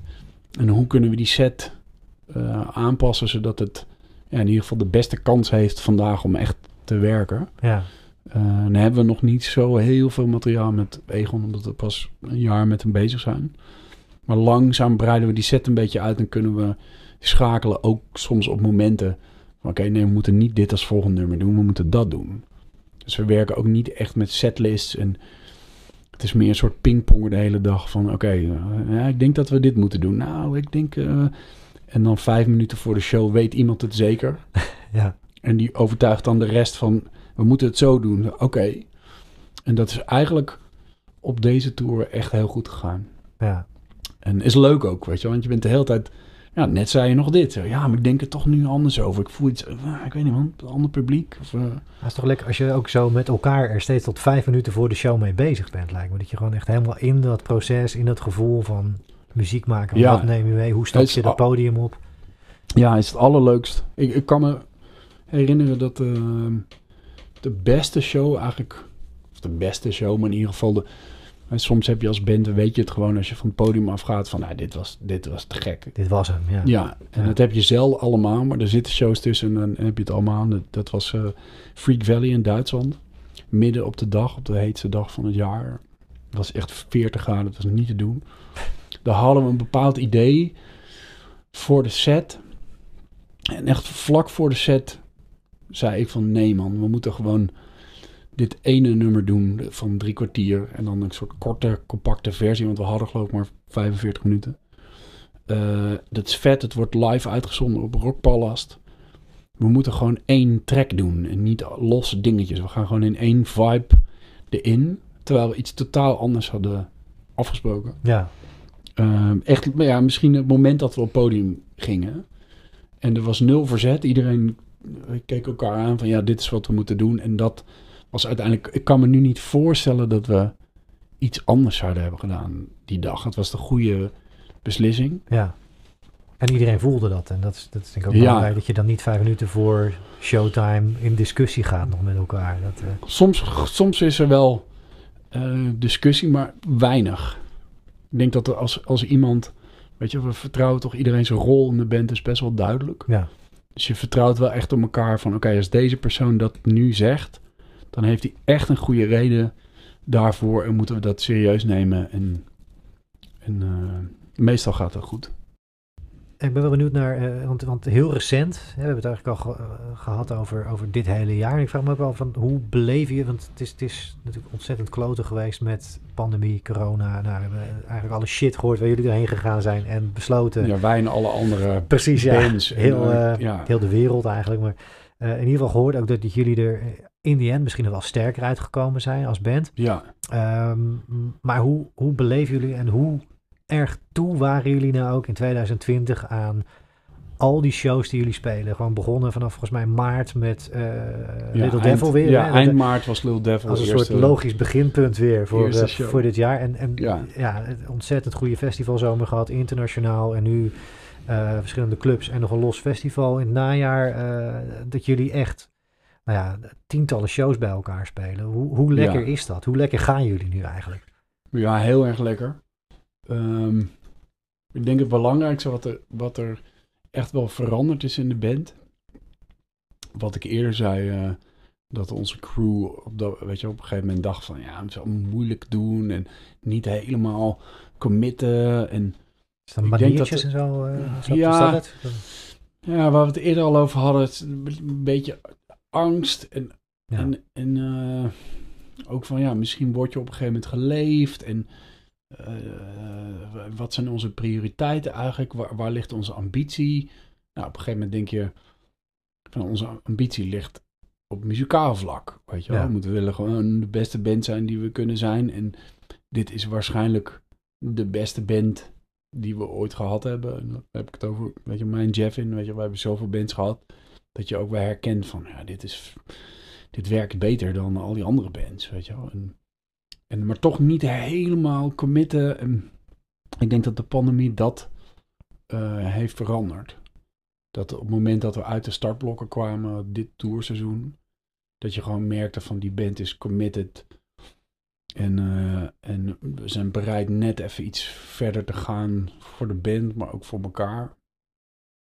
Eh, en wat dat voor gevolgen heeft, ja, dat moet er maar blijken. Maar het werkt wel heel goed voor de live shows. Ja. Dus we, dit gaat daar echt. eh, ja, we hebben geen slechte show gedaan eigenlijk. Er was geen show eh, waarvan een van de leden eh, eigenlijk stiekem dacht van ik heb hier geen zin in vandaag. Wel? Dus, dus ik merk gewoon het commitment. Het is, het is, commitment is groter. Ja, En dat, dat, dat, ja, dat heeft overal positief effect op. Zeker. En daar helpt heel veel spelen dan ook gewoon bij om, om, dat vast te houden en om in dat ritme te blijven. Dat je er Ja. gewoon niet uit wil. eh. Nee, en, de, de, en soms is het ook. eh, soms is het ook een beetje veel. Eh, dan, dan weet je, het is nu, we hebben dan nu drie weken geen shows. En dat vindt niemand leuk. We zouden eigenlijk het liefst spelen. Ja. Maar het is wel goed. We gaan volgend jaar ook een paar maanden ertussenuit. Eh, maar ja, ik zou het liefst gewoon niet ertussenuit gaan. Liefst gewoon alleen maar spelen, spelen, spelen. Eh, maar inmiddels ook geleerd van je moet af en toe, weet je, die boog kan niet altijd gespannen zijn. En, en eh, ja, we zitten er ook af en toe wel eens goed doorheen de laatste tijd. Want na shows van ik kan niet meer. Dus, maar ja, de, de, dit is de beste tour waar ik ooit op ben geweest. Gewoon qua muziek en qua sfeer. En ik denk ook wel dat, dat het publiek. eh, ja, het publiek is net zo dankbaar als de bands die spelen dat het weer kan. En, Ja. en eh, weet je, dat is een cliché. Eh, maar ja, ik ben dankbaarder dan ooit dat we kunnen spelen. En het is niet dat ik ooit een soort cynisch ben geweest, denk ik, of, of dingen voor lief nam eh, voor de pandemie. Maar ja, ik realiseer me nu wel heel goed, iedere keer voordat we het podium opgaan, van fuck man, dat we dit, dat we dit mogen doen. Weet je, dit is te gek. Weet je, wanneer vind je nou, ik bedoel, wanneer vind je nou drie andere mensen die net zo graag dit willen doen op dat moment? En het band zijn toch kleine wondertjes. Het is een idioot idee, een band. Eigenlijk wel, ja. Maar als je het zo gaat bekijken en ontleden, dan, eh, maar dan zit je nu wel op een plek waar je met, met z'n vier in ieder geval wil zijn. Ja, en het, het In levert dat ook... wereldje. Ja. Ja, en het levert ook, weet je wel, ik heb soms, weet je, ik heb soms ook, eh, en ik denk dat dat voor iedereen geldt, ik heb soms een ontzettende anxiety, weet je, dat je ochtends wakker wordt en denkt, wat ben ik aan het doen met mijn leven? Ik, ik wed mijn hele leven, gaan, gaan drie kwart van mijn tijd, wed ik op drie andere Mongolen, waarmee ik dan, weet je wel, samen de wereld overtrek en ja, dat kan niet, weet je wel, er hoeft er maar eentje te zeggen van, eh, oh nee, eh, mijn, mijn vrouw is zwanger. En weet je wel, dan, dan flikkert je hele band weer uit elkaar en kan je opnieuw beginnen. En als je die anxiety van je af kan houden, dan is het leukste wat er is. Maar dat zal je in al je podcasts ook wel hebben gemerkt bij bands. Ja, het is een, het is een onmogelijke opgave, een band eigenlijk. Ja. Het is idioot om dat met je leven te doen. En toch ga je ervoor. Ja, ik vind het leukste wat er is. Ja. Zeker, als de, zeker als de sfeer goed is. En bij ons ook, dat je de hele tour is iedereen op tijd. En die heeft verse, iedereen heeft verse snaren. Verse drumvellen. En je hoeft nooit... Weet je, ik hoef nooit tegen iemand te zeggen van... Hé, hey, je moet nu wel eens even zorgen dat je dit op orde hebt. Nee hoor, iedereen... Weet je, iedereen heeft er zin in, is op tijd. Weet je, we komen overal op tijd aan. Iedereen zit er gewoon goed in. Ja, heel weinig conflict. ja, tof. En, en is dat dan ook eh, even op het persoonlijke? Want je noemde jezelf net ook even eh, over Duitsland van, oh die guy met die Rickenbacker. Eh, als je hem dan omhangt, is toch wel iconisch jou ook hè, en, en, en- Rick. Ehm, is dat gevoel er dan voor jou ook gelijk daar van, ja, dit, hier gaan we weer knallen vanavond. Dit is waar ik voor leef, dit is wat ik doe en dit zijn de guys waar ik dat mee doe. Ehm, is, hè, je zei net al van met Temple Fang, dit is het tofste wat we nu aan het doen zijn, dit is het tofste wat ik meegemaakt, maar is dit ook echt ja, de- de plek voor jou voor de toekomst en voor de lange toekomst? Ik zeg van ja, die overtuiging heb ik nu wel echt, puur persoonlijk, dit is de route voor, nou zeg in ieder geval de komende vijf tot tien jaar. Eh, nou ja, ik heb eh, ja op, je, op het eerste stukje van je, van je, van je eh, vraag. Hele uitgebreide vraag. Ik Ja, het is een uitgebreide vraag. Laat hem Eh, even landen. Ja, ik heb helemaal het idee dat ik op mijn plek ben en, en ik, ik zou niks willen veranderen aan deze band. En het gaat precies zoals het moet gaan. En we, we hebben allemaal, weet je wel, niemand van ons is eh, eh, een, een dictator. Het is niemand zijn band, weet je, het is van ons allemaal. Eh, tweede stukje van je vraag. Ik heb heel erg geleerd in mijn leven en op mijn pad dat het is onmogelijk om echt in de toekomst te kijken. Dat is ook helemaal niet goed. Ehm, want als je naar ons verhaal van Temple van kijkt, dan we hadden dit zelf allemaal niet kunnen verzinnen. De, de, een van de krachten, denk ik, van de band is dat ja, het is gevormd door omstandigheden ook om ons heen. En weet je, het pad eh, legt zichzelf. Eh, het enige wat ik wel kan zeggen is dat eh er wordt, zeg maar, de manier waarop we de band runnen, is wel heel erg met het idee van deze, het zou heel fijn zijn als deze band over vijf jaar nog bestaat. Of, Ja. dat, of dat realistisch is, ja, dat is onmogelijk om te zeggen. Weet je, iedereen heeft zijn eigen persoonlijke leven, maar dat we, we hebben het daar wel over. Van hey, hoe vet zou het zijn als we, weet je, als we over vijf jaar om ons heen kijken en er zijn dezelfde personen en dat geldt ook voor de crew van eh, eh, jongens die we om ons heen hebben. Hoe vet is het als we dit met z'n allen kunnen doen en ja, met z'n allen ook dingen doen die je nog nooit eerder hebt gedaan. Weet je, tot nu toe in Temple is eh, zijn er puur zeg maar, op het niveau waarop we spelen, eh, heb ik eerder gedaan met, met een band. Alleen nu komen we op het punt dat nu gaan we daar een soort van overheen en nu heeft niemand dit van ons dit ooit meegemaakt. En dat is heel spannend. Tof onbekend terrein eigenlijk. Ja. Eh, ja. Maar ik denk dat we er allemaal, ja, dat we allemaal eh, met dat idee erin staan. Van eh, laten we dit bij elkaar houden. En, Ja. eh, en da- daar wordt ook, als je beslissingen gaat maken op basis van de lange termijn, eh, dat is heel anders dan al je kansen nu pakken. Alles moet nu ingekopt worden, want er is hè, nu eh, met een hype, nu kunnen we op een golf springen. Ja. Eh, ja, ik, ik hoop wel dat we op tijd ook af en toe een stapje terug kunnen doen. Van het hoeft niet allemaal nu. Weet je, laten we het vooral bij elkaar houden. En stel dat je op een gegeven moment een stapje terug moet doen. Nou, het is prima, weet je wel. Ja. Als, als, stel dat wij, eh, omdat we daar ook niet echt het gevoel hebben dat we daar controle over hebben. Stel dat we steeds vreemdere muziek gaan maken. Ja, dan is de kans dat je minder publiek trekt. Eh, daar moeten we dan wel allemaal achter staan van oké, de, de muziek staat centraal. Als veel mensen het te gek vinden, weet je, prima, iedereen is welkom. Ehm, maar ja, ik wil gewoon dat dat creatieve proces centraal staat. En ja, misschien eh, worden we hele gekke, willen we op een gegeven moment geen rock meer spelen, maar alleen maar dub reggae. Nou ja, dat ja, heeft, ja. dat heeft gevolgen, maar ik denk met deze groep, weet je, dat er een soort basisniveau is waarop we dingen doen, waarop je gewoon wel kan overleven en je oefenruimte huur kan betalen. Ja. En, eh, maar je moet er vooral niet te, ja, ik wil niet dat, dat een fulltime ding voor iedereen is. Weet je wel, dat, dat eh Templefing het enige is wat je doet in je leven en daar komt je inkomen vandaan. Dat is helemaal niet goed. Dat is helemaal niet wat, wat goed voor ons is. Ja, het is denk ik vooral ook goed om dat met elkaar zo uitgesproken te hebben en te weten van elkaar. Dan eh, is dat de meest gezonde situatie om met elkaar in, in, in voort te bewegen. Ja. Want soms, zijn, soms hebben mensen ook instinctief een reactie tegen iets, toch? Van, hey, ik vind dit niet fijn. Ja, ja, ja. En dan kunnen ze het ook niet helemaal staven van, van waarom is dat dan? En ja, ik vind het gewoon niet fijn.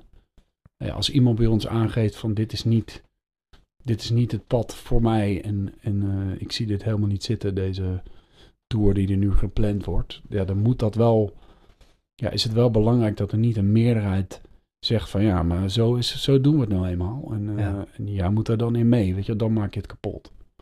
Ja, dat, dat voor zijn. Dat, eh, ja. Ja, Hey, en, en hoe, want dat, dat vind ik dan wel interessant om ook nog, nog even eh, te verkennen. Want jullie hebben kort geleden stonden jullie in, eh, en nu we elkaar spreken, kort geleden in Doornroosje. ja vorige Eh, week. Ja, Ride on Mountain gelanceerd. Ja, Echt wel heel erg ook Jeffins ding natuurlijk in die zin. Maar Ja.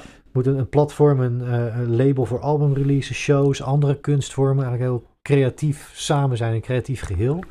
Ehm, festival dus in Doornroosje. Kan, kan je Ja. daar eens iets, iets, iets meer over vertellen? Wat, wat moet dat worden? Wat moet dat zijn? Is dat echt Jeffins ding of is, is Templefang daar wel echt onlosmakelijk mee verbonden ook? Uh, Ride on Mountain is ooit begonnen als, als eh, een soort overkoepelende naam eh, van dingen die Jeff en ik eh, met z'n tweeën deden. Dus we- het is, in eerste instantie was het een radioshow die we deden op Red Light Radio. Ook shout-out, rest in peace. Kijk, ja.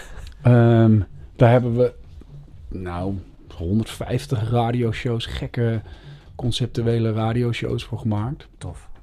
En eh, ja, uiteindelijk is dat een soort naampje geweest wat bleef plakken. Dat, weet je wel, toen we Live in Merlijn met Tempelvinger uitbrachten, toen ja, was er ook geen label van, nou, hoe gaan we, ja, waaronder gaan we dat doen? Nou, Ride on Mountain. Toen kwam er ook een logo en, en, eh, en Jevin is op een gegeven moment zijn, zijn tatoeagewerk ook dat gaan noemen. En eh, al het artwork wat we maken met z'n tweeën, dat is ook on Mountain. Dus we hadden al langer het idee van we moeten dan ook een keertje een soort happening houden. Of weet je wel, iets van een eigen festivalletje of zo. Ik weet, ik weet niet waar, waar een show eindigt en een festival begint. Maar Ja. goed, het, het was al heel snel dat we hebben. We, zijn, we komen op een of andere manier altijd uit in Nijmegen. Een soort second hometown ook. jullie. Ja, en dat ja. is, dat is ook niet gepland. En daar zijn een aantal verschillende losse stromen die dan bij elkaar komen. Want eh nou, Merlijn was in Nijmegen. eh, dat was eigenlijk de eerste stad in Nederland waar we echt wat publiek trokken.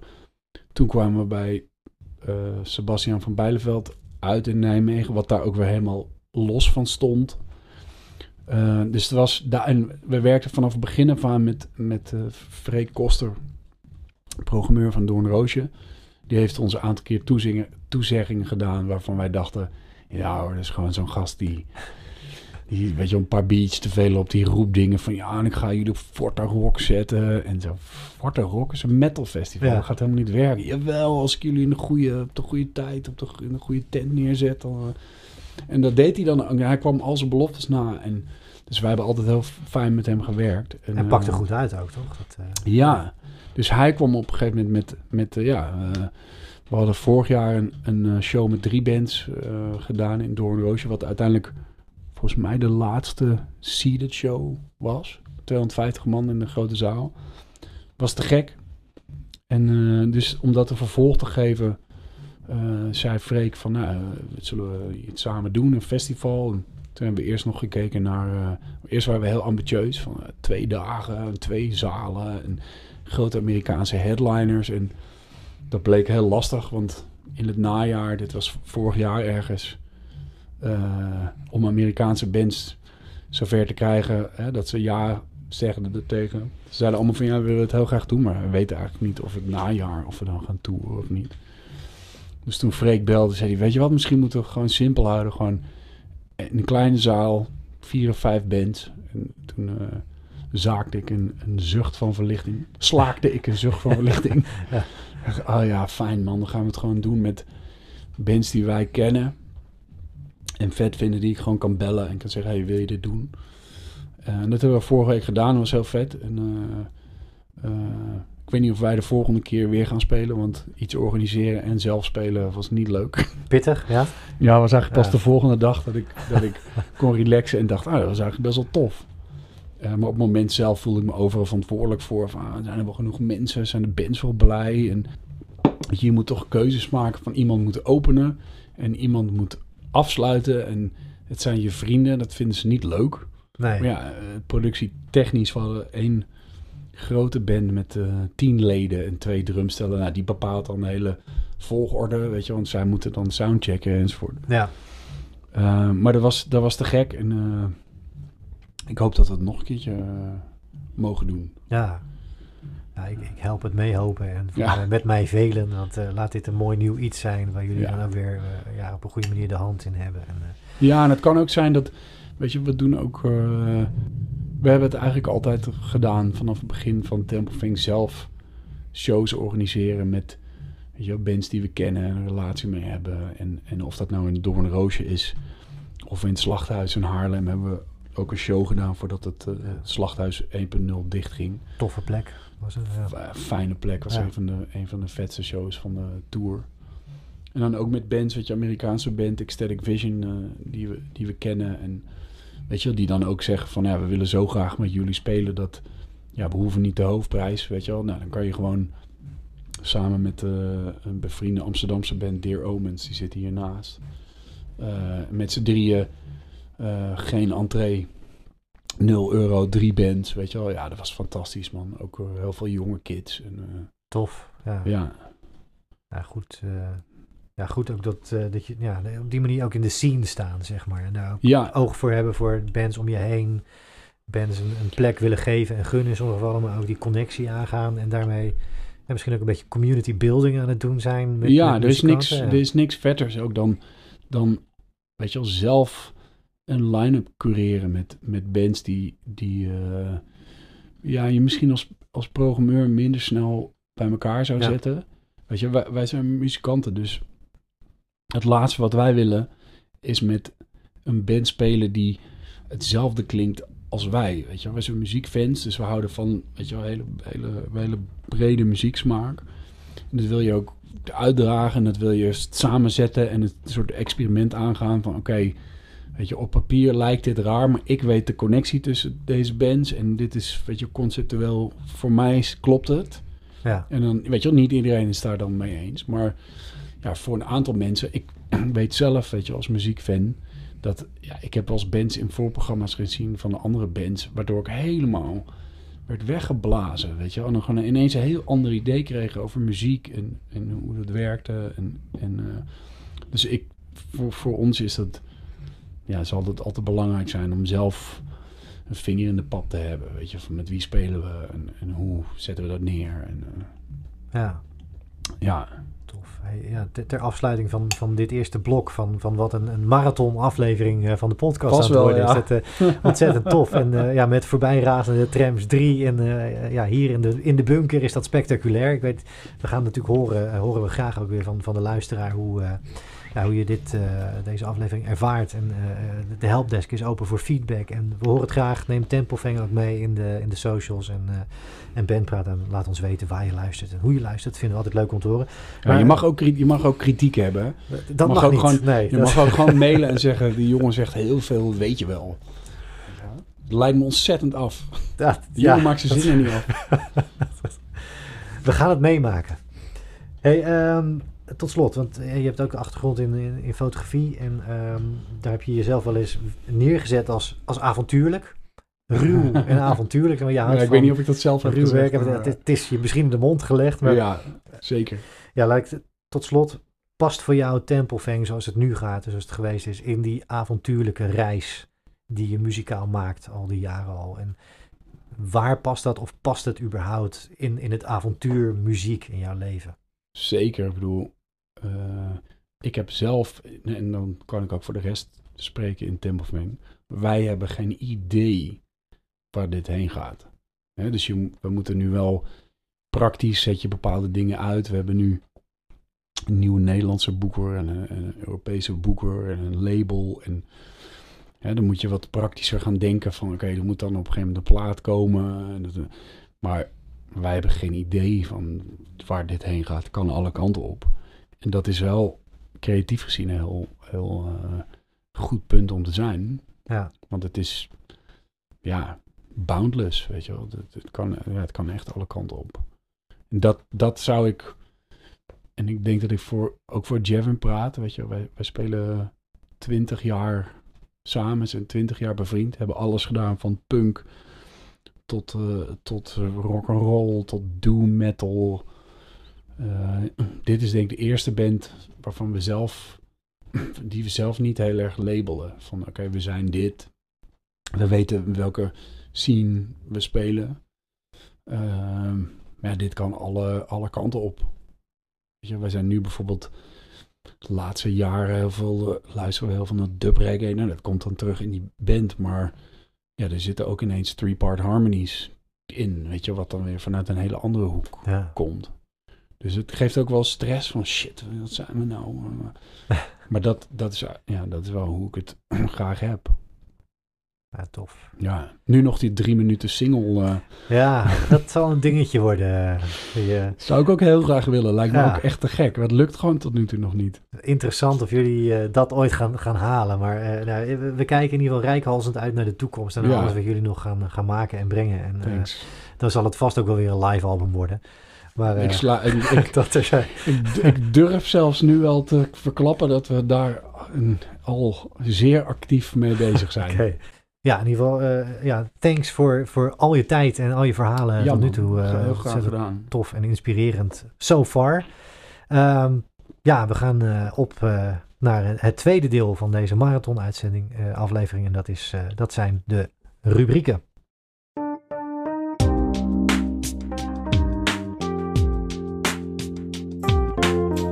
Welkom bij de Break.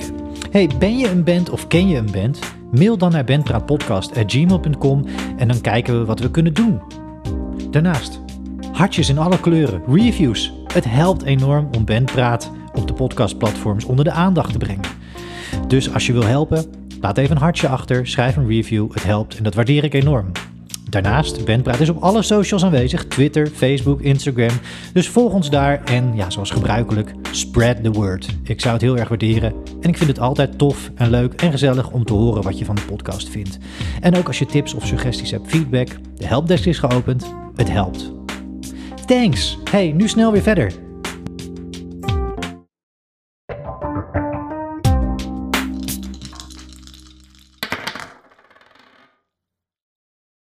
Ja, welkom eh, aan de andere kant van, eh, van deze aflevering. En eh, ja, gelukkig, Dennis zit er nog steeds van Tempelvang. En hij, is, hij is niet op, trein, op tram 3 gesprongen en, en er vandoor gegaan. Zodat ik hier alleen moet dobbelen. Maar gelukkig gaan, gaan we dat ook daadwerkelijk nog samen doen.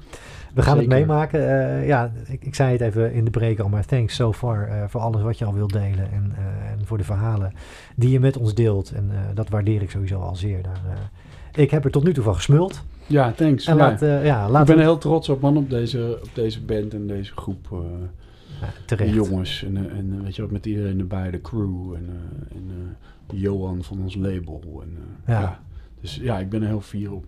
Hij zegt tof, en tof dat je dat ook zo, zo uitdraagt. En ja, er, er, er mogen wat shout-outs aan gewijd worden. Nou. Maar ik, nee, het is echt ontzettend tof. En ik zeg, ja, ik, ik, vind wat jullie maken en, en wat jullie doen, ik oneindig veel respect en waardering voor. En dat is ontzettend tof. En thanks. ik vind het een hele eer om hier te zijn. Nou goed, genoeg. Eh, we gaan de dobbelstenen lonken. Yes. En, eh, en al die ogen van die dobbelsteen, die, ja, die kijken uit naar ja, hier door, door, door deze ruimte in de bunker gevlogen te worden en gerold te worden. Ehm, ja, even voor, de, voor de, de nieuwe luisteraars wellicht. Er zijn drie rubrieken. We starten met de standaardvragen. Dat zijn vraag 2 tot en met 12. Je gooit twee dobbelstenen en het lot koppelt je in eh, drie gevallen. Want we gaan drie vragen behandelen aan wat ik dan noem een standaardvraag. Dat kan van alles zijn. Daarna hebben we nog vijf dilemma's. Hele algemene, maar sommige ook heel persoonlijk. En na die dilemma's is het slot van iedere aflevering ja, een soort van Jeroen Pauw moment. Dat ik dan creëer met de vraag aan jou. Wil Dennis, waar staat Tempelfang? We hebben het er net al een beetje over gehad. Maar kan je een soort plan uitstippelen waar jullie over vijf jaar staan? Of kan je nou, een soort luikje openen naar de toekomst? Eh, of een hoop uitspreken, een droom uitspreken misschien. Maar dat is wat we nog gaan doen. We starten met die dobbelstenen. Je hebt ze al eventjes eh, ter hande genomen. Het is al warm gedraaid. Ja. En, eh, nou, We gaan hier over de flight case rollen ze en daar komt uit vijf. Nou, mooie worp. Het eh, was ook spectaculair om prachtig getal. Het, ja. ja. Het mooie ronde getal van vijf. En hij, eh, ja, één dobbelsteen ketste ook af op het, eh het nullie, hè, zoals je noemt. Ja. Ja. Ja, Vijf. Nou, eventjes, ja, dit is, dit, dit is er eentje waar ik, waar ik wel benieuwd naar ben. Ehm, maar wat is Jij wat kent ze uit je hoofd inmiddels. Ja, inmiddels wel. Maar ik heb speciaal voor seizoen 2, waar we nu in zitten, wel wat nieuwe vragen en wat gehusseld. eh, om het voor mezelf ook dynamisch en spannend te houden. Zeker. Maar ik ben benieuwd. ehm, vijf, daar staat bij. Wat is wat jou betreft jullie beste track? Poeh. Bijna onmogelijke vraag met Ja. jullie oeuvre volgens Wat mij. is je favoriete kind? Nou, ja. eh, de knapste. Eh, sowieso, mijn, laat ik het zo zeggen, van alles wat er nu is uitgebracht. ehm, hè, want wij spelen eigenlijk nu, daar hebben we eigenlijk nog helemaal niet over gehad, maar eigenlijk spelen we deze hele tour onuitgebracht materiaal. Nou, Ja. Dat is wel een heel lang verhaal. eh, Jullie op hebben een zich, beetje dus- gebroken met, met Ja. oude materiaal. ja, en we, ja, we zijn gewoon niet echt een band die per se de, de recente plaat speelt. Of de- zo werkt het kennelijk voor ons niet. Eh, maar van het uitgebrachte materiaal. eh, mijn moeder zei vorige week. eh, weet je, die vindt het allemaal natuurlijk takkenherrie wat we doen. En, eh, en eh, ehm, die zei: Ja, ik zat naar eh, jullie plaat te luisteren, eh Fang Temple. En eh, er staat een nummer op, Strange Place to Land. En dat is prachtig. En ik kan me herinneren dat we, we hebben heel lang over dat nummer gedaan. Wat je eerder zei van we werken in lagen. En dit nummer heeft echt... Ik besefte het me eigenlijk pas toen ik de, de lyrics uitprintte. Hoeveel lyrics het zijn. En waar dat verhaal maar heen gaat, gaat alle kanten op. En, en eh, dus ik kan me heel goed herinneren. Ik werkte toen als eh, nachtreceptionist bij een hotel. Dat ik daar s'nachts met een klein computerspiekertje bij de balie aan zat te werken. En nog een keer herschrijven. En er moet nog een brug bij. En, eh, en toen we dat nummer in de studio aan het doen waren, toen zei Sebastian, onze producer, die zei: Ja, dit wordt of iedereen's favoriet. Of het wordt echt een breekpunt. Mensen vinden het echt niet tof. Het is een soort gevoelig en het is heel, heel hoog en zacht gezongen. En, Ja, en eh, ik was er ook wel een beetje onzeker over. Maar ik wist ook dat zeker qua lyrics was het in ieder geval het meest ambitieuze wat ik ooit had geprobeerd. Want dat is echt een mega verhaal en het ging echt ergens over voor mij. En eh, ik kan niet zo heel goed eh, naar materiaal wat ik ooit heb opgenomen in welke band dan ook. Ik luister ze niet naar mijn plezier voor. Eh, maar dat nummer is eigenlijk het enige wat ik eh, op ieder moment kan opzetten en denk, ja, daar ben ik echt, daar ben ik happy mee dat we dat zoveel ambitie hebben gehad om dat te proberen. En volgens mij is het, voor mijn gevoel is het gelukt. Eh, maar ik kan me dus ook heel goed voorstellen dat je het verschrikkelijk vindt. Het is echt, weet je wel, ja, ho- hoge mannenzang, weet je wel, gevoelige thema's. En, eh, maar ik ben er heel trots op. En, eh, dus ik zou zeggen, A Strange Place to Land is, Ja. het, is het beste nummer, denk ik, wat ik ooit heb gemaakt. In welke Ja. band dan ook. ik vind dat een mooie keuze. Dat, eh, dus ik zit zeker niet aan die zijde dat je denkt van breekpunt, doe maar niet. Maar absoluut een hele mooie keuze. En ja, dank ook voor de aanvulling met dit verhaal. Wat natuurlijk ook gewoon iets een beste track voor jezelf kan maken. Hè? Dat verhaal erbij. En juist inderdaad het verhaal over de lyrics die je schrijft. Het moment waarop misschien het gevoel waar je in zit op het moment dat je het schrijft. ja. Dat dat alles samen voor jou maakt van ja, dit is, heel, dit is gewoon heel goed gelukt. Ja, ik ben, ik ben niet. eh, ik, ik doe heel erg mijn best op lyrics. Ik vind het heel belangrijk. Ja, En hoe, naarmate ik het langer doe en er ouder word en langer in muziek zit, wordt het gewoon ook in andermans muziek steeds belangrijker. Dus ik ga steeds hogere eisen aan mezelf stellen en ik ben eigenlijk nooit tevreden erover. En ik merk vaak live, als ik het niet uit mijn strot krijg, dan moet het anders. ja, Dus die lyrics, wij zijn ook, er zitten een paar zinnetjes bij die eh, Jeff en Ivy hebben geschreven. Wat, wat we vaak doen, of wat ik vaak doe met mijn lyrics, is dat, dat ik een soort nonsens inzing en het dan laat vertalen door Jeff en Ivy. Van wat denk je dat ik zing? Schrijf het op. En er komt vaak misschien maar één zin uit. Weet je wel, wat ik dan oppik van wat, Ja. wat Ivy schrijft. Maar dat kan wel zeg maar het volgende couplet helemaal triggeren. En dat is een goede truc die we op een gegeven moment zijn gaan doen, wat we Ja. nog, nog steeds doen. Eh, dus ja, wat ik, wat ik eerder zei, de, de, de ambitie, ik was mezelf wel bewust van, wow, dit is een heel ambitieus nummer om te proberen te doen. Ja, En ik ben blij dat we dat hebben doorgezet, want dat, ja, ik durf dat niet altijd. Er zijn wel meer van die stukken en ik weet dat de rest van de band eh, daar niet blij mee is als ik weer eens wat afschiet, waar we dan maanden aan gewerkt hebben en zeggen, ja, ik voel het niet meer. Nee, is niks dit. Ja. En dat, dat, op dat punt zijn we heel vaak geweest met dat nummer. We hebben het toch doorgezet. En, eh, ja, shout-out Ja, naar ons. Ja, ja, en mooi ook om te horen dan dat, dat, dat ja, je moeder dan vorige week dat letterlijk zegt van dit, dit vond ik heel mooi. En dat, dat, eh, Ja, ik vind het fijn dat mijn moeder een nummer heeft dat ze gewoon Ja, van ons op kan zetten. En kan denken, dit, dit, Dit is eh, mooi. dit vind ik mooi. ja. Ja, Nee, tof. Nou, mooi, dankjewel. Mooie eerste worp ook in die zin. Ja, wat mij betreft eh, ja, gaan we de, de, de tweede worp hier ervaren en het, het spektakel nog eens meemaken eh, van de doppelstenen over de flightcase. eentje En je over moet de vloer zelfs. Dat- ja, die- Je moet overnieuw. Kijk de, vloer is lava ook natuurlijk. eh, Hier. Ja, vier. En, en twee gooi je erbij nu. Dat maakt, maakt zes. Ehm, ja, hier ben ik ook wel benieuwd naar. eh, ook vanuit ambitie-oogpunt. Of misschien heel concreet. Van nou, daar past Tempelveng heel goed. Maar dat wil ik nog niet voor je invullen natuurlijk. Maar waar zou jij ooit met Tempelveng nog wel eens willen spelen? Het kan een concrete Oeh. venue zijn. Het kan een festival zijn. Het- Eh, ehm, nou, dat is het. Uiteindelijk werd diezelfde vraag eh, gesteld door Rockballast toen we Freak Valley hadden gespeeld. En toen was ons antwoord van, ja, dit was de droom en Freak Valley was de droom en, eh, en Roadburn was echt de droom vroeger. Daar hebben we echt jarenlang eh, van gezegd van, nou, als dat nog een keer kan, weet je wel. En, eh, Ehm, maar ik zou op dit moment zeggen, en hier is ook wel over gesproken in de band, dat niemand van ons zit heel erg te wachten om eh, naar Amerika te gaan. En weet je, voor bands is dat de grote droom om, om naar Amerika Ja. te gaan, maar Amerika toeren is helemaal niet, in mijn ervaring in ieder geval, is niet geweldig op dit niveau. In Amerika heb je heel erg, je bent of een ster of niet.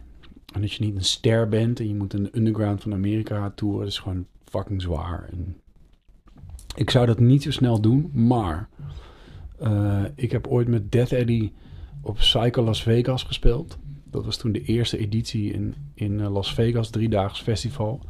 Dat was zo idioot qua line-up en qua gewoon situatie. Een soort, soort driedaagse poolparty met bands.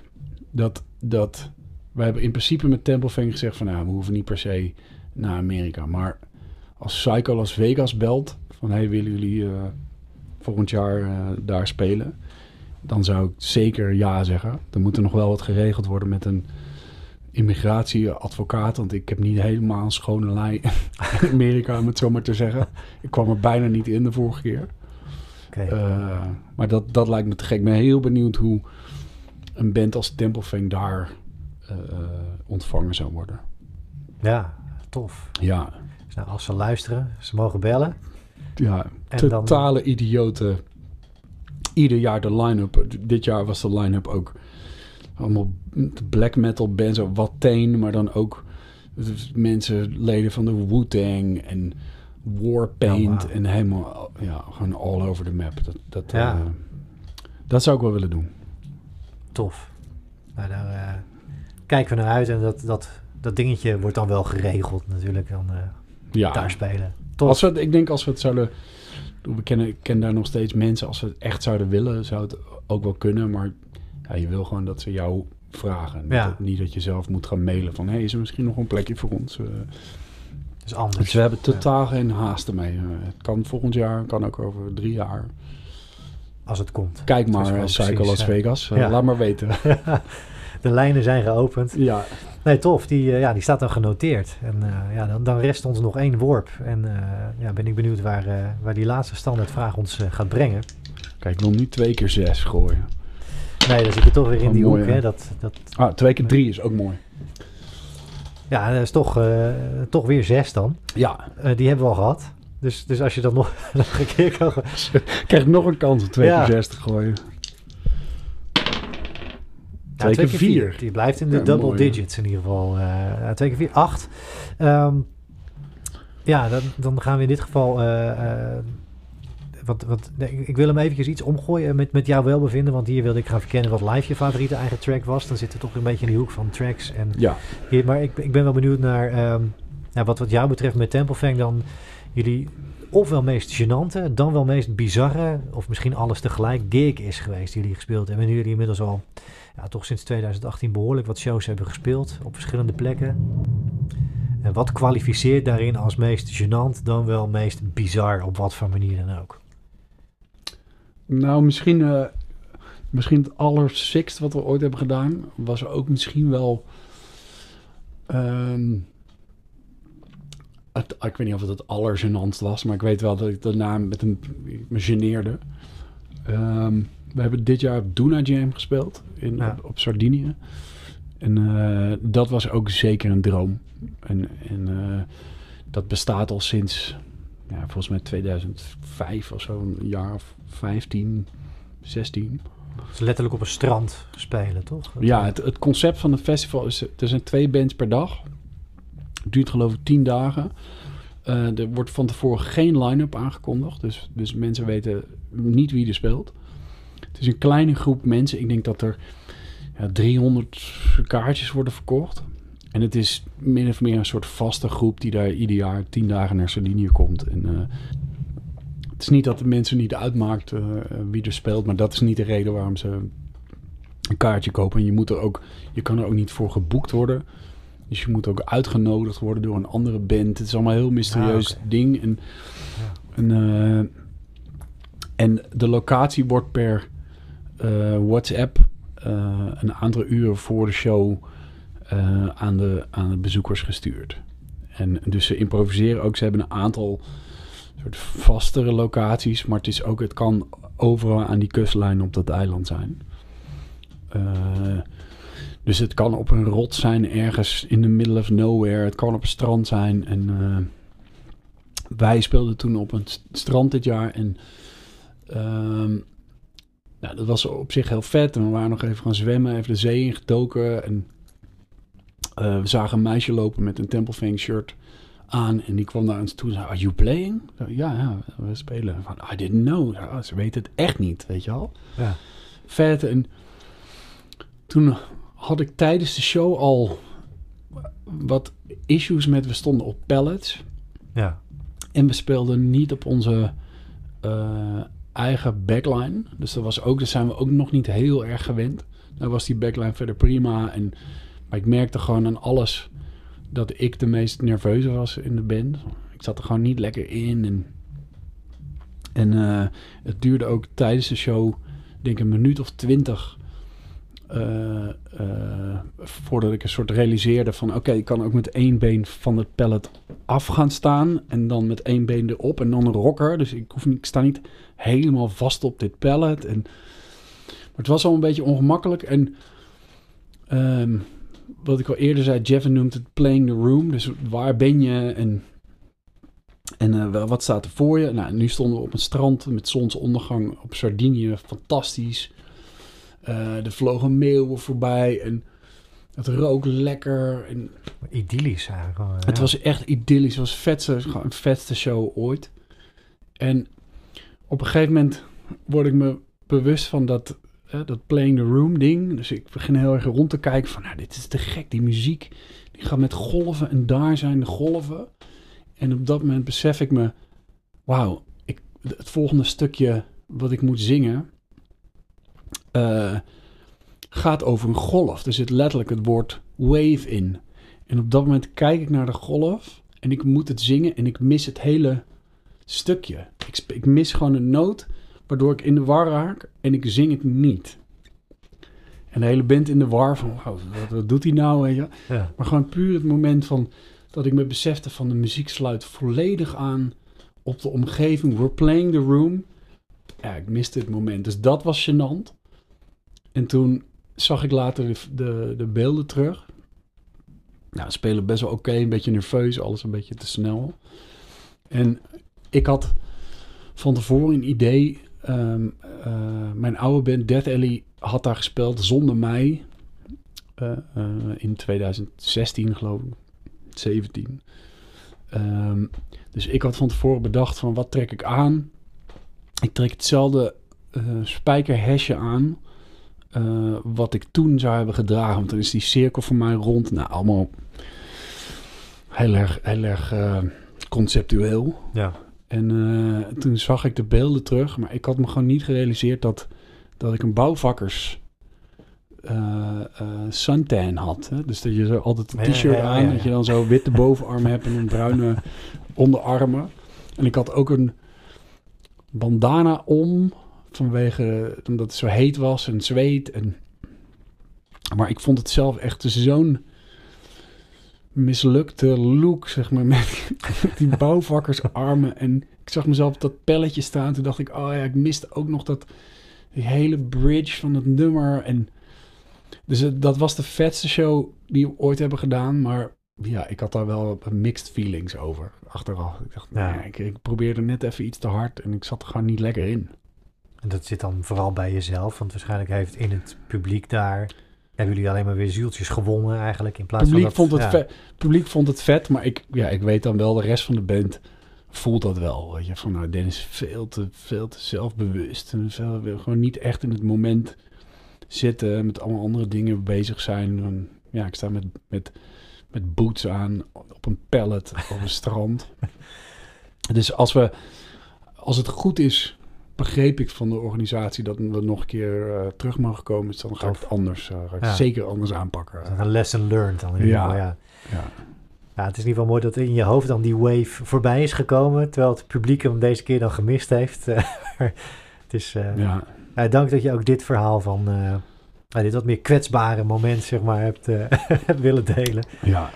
Vaak, Ja. vaak, dus vaak toch, als je op het moment dat je er bewust van, wordt, van iets wordt, dan wordt je concentratie gebroken en dan Ja, gaat er ja. iets fout. En dus precies het moment waar ik één met het universum kon zijn, werd ik ervan bewust van, ik ga één met het universum zijn. En dus was ik niet één met het Ja. universum.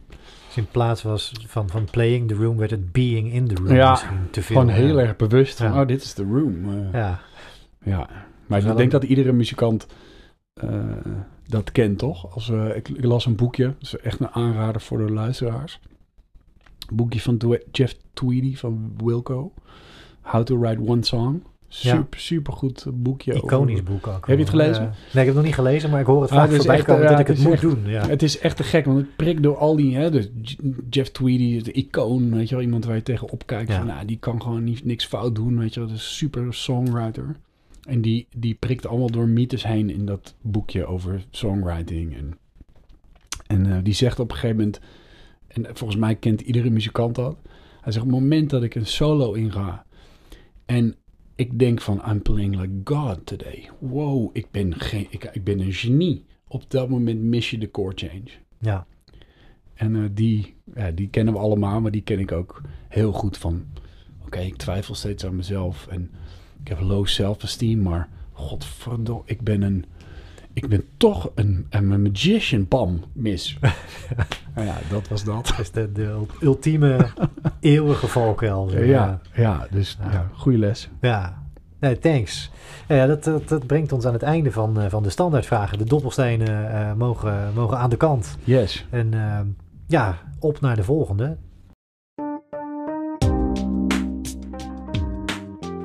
Oké, ik heb iets nieuws. Je kunt je op allerlei manieren aan Bandpraat verbinden en mij zo helpen om de podcast te maken, verbeteren en verspreiden. Dat doe je door op patreon.com slash bandpraat voor 1 euro of meer per maand lid te worden. Van liefhebber tot fan, superfan tot crewmember en je krijgt merch en leuke extra's terug. Check de pagina en alvast heel veel dank voor je support. Met jouw steun kan ik de reiskosten dekken, maar bijvoorbeeld ook investeren in nieuwe opnamegear, internationale bands spreken, dat is een plan voor de toekomst, een website bouwen en hosten en heel veel meer. Ik doe dit voor de fun, maar ik doe het ook in mijn eigen tijd en in eigen beheer, dus alle beetjes helpen. Ik zou het heel tof vinden. Thanks!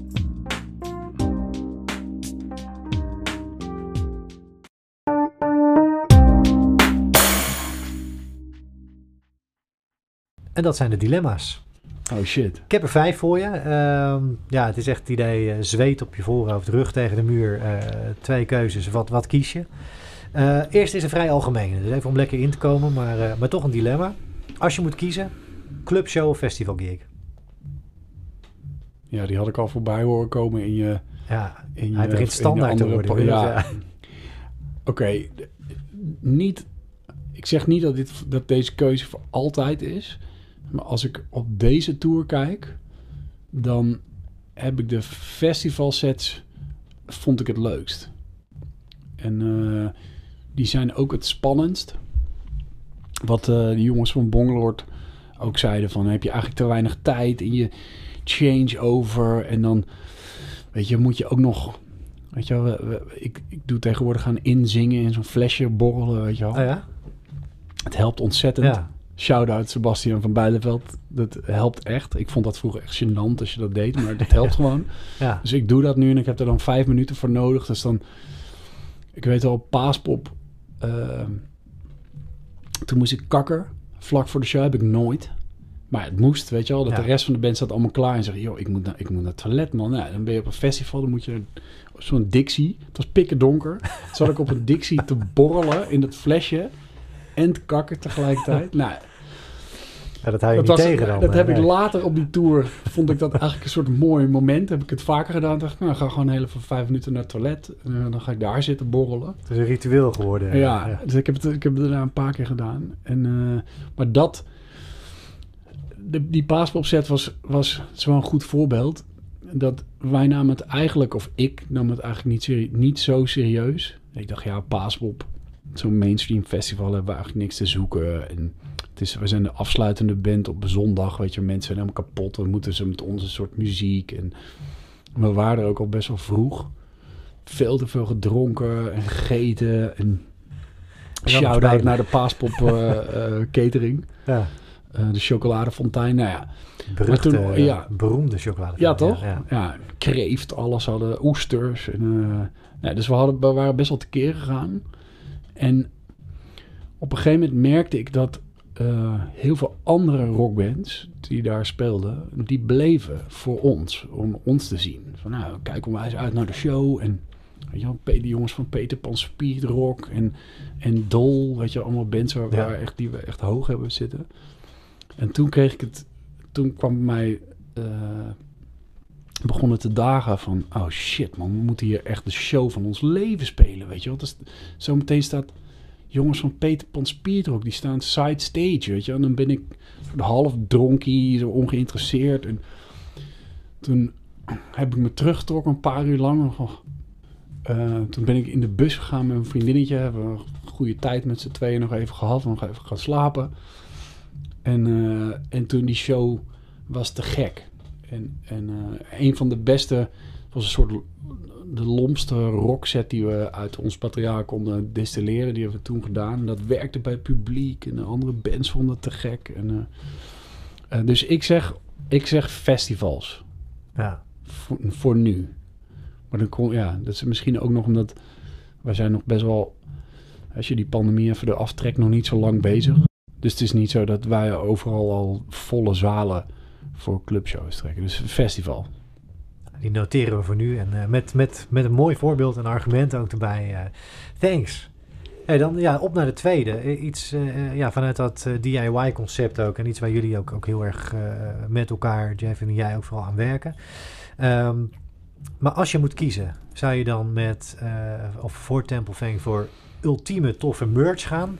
Of voor die ene te gekke albumhoes? Wat vind je eigenlijk belangrijker? Zou Dat is echt hetzelfde voor ons. Ja? Ja, Ja, allemaal dat is één lijn, één- één ja, concept? Ja, dus Jevin en ik maken alles. Dus Jevin eh, eh, tekent het eigenlijk. Hij is nu voor de voor nieuwe plaat waar we, waar we mee bezig zijn met een collage bezig. Maar dat komt in principe uit zijn, uit zijn koker. En ik verzamel het of cureer het. Dus ik ben dan een soort de art director die het juist eruit kiest of richting geeft. En dat is heel, ja, die samenwerking is heel fijn. Want weet je, aan de ene kant limiteert het ons ook. Want we kunnen nu gewoon niet meer met iemand anders dat doen. Shout-out eh, Geert, die ons eh, met grafische dingen helpt. Omdat we allebei onwijs technofoben zijn en gewoon niet geweldig zijn met, eh, met Photoshop en dergelijke. Dus eigenlijk is Eigenlijk is dat hetzelfde. Ik ben heel blij met onze album hoezen, maar ik ben ook blij met onze shirts. En het is eigenlijk één, het is één proces. Gewoon niet van elkaar. eh, Nee. Zoals dus in deze... Natuurlijk is een albumhoes belangrijker dan een shirt, maar ook weer niet, ook weer niet echt. Het is gewoon, eh, ja, hetzelfde mensen die maken het.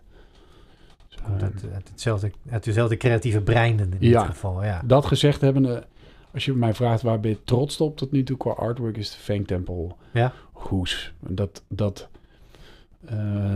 in samenwerking met, met de Johan van de Electric Spark, het label wat het heeft uitgebracht. Ja, Dat was gewoon echt een best wel een bold move om te maken. Om, een- het is een stuk van een schilderij van Jevin, dus het is ook niet het hele ding.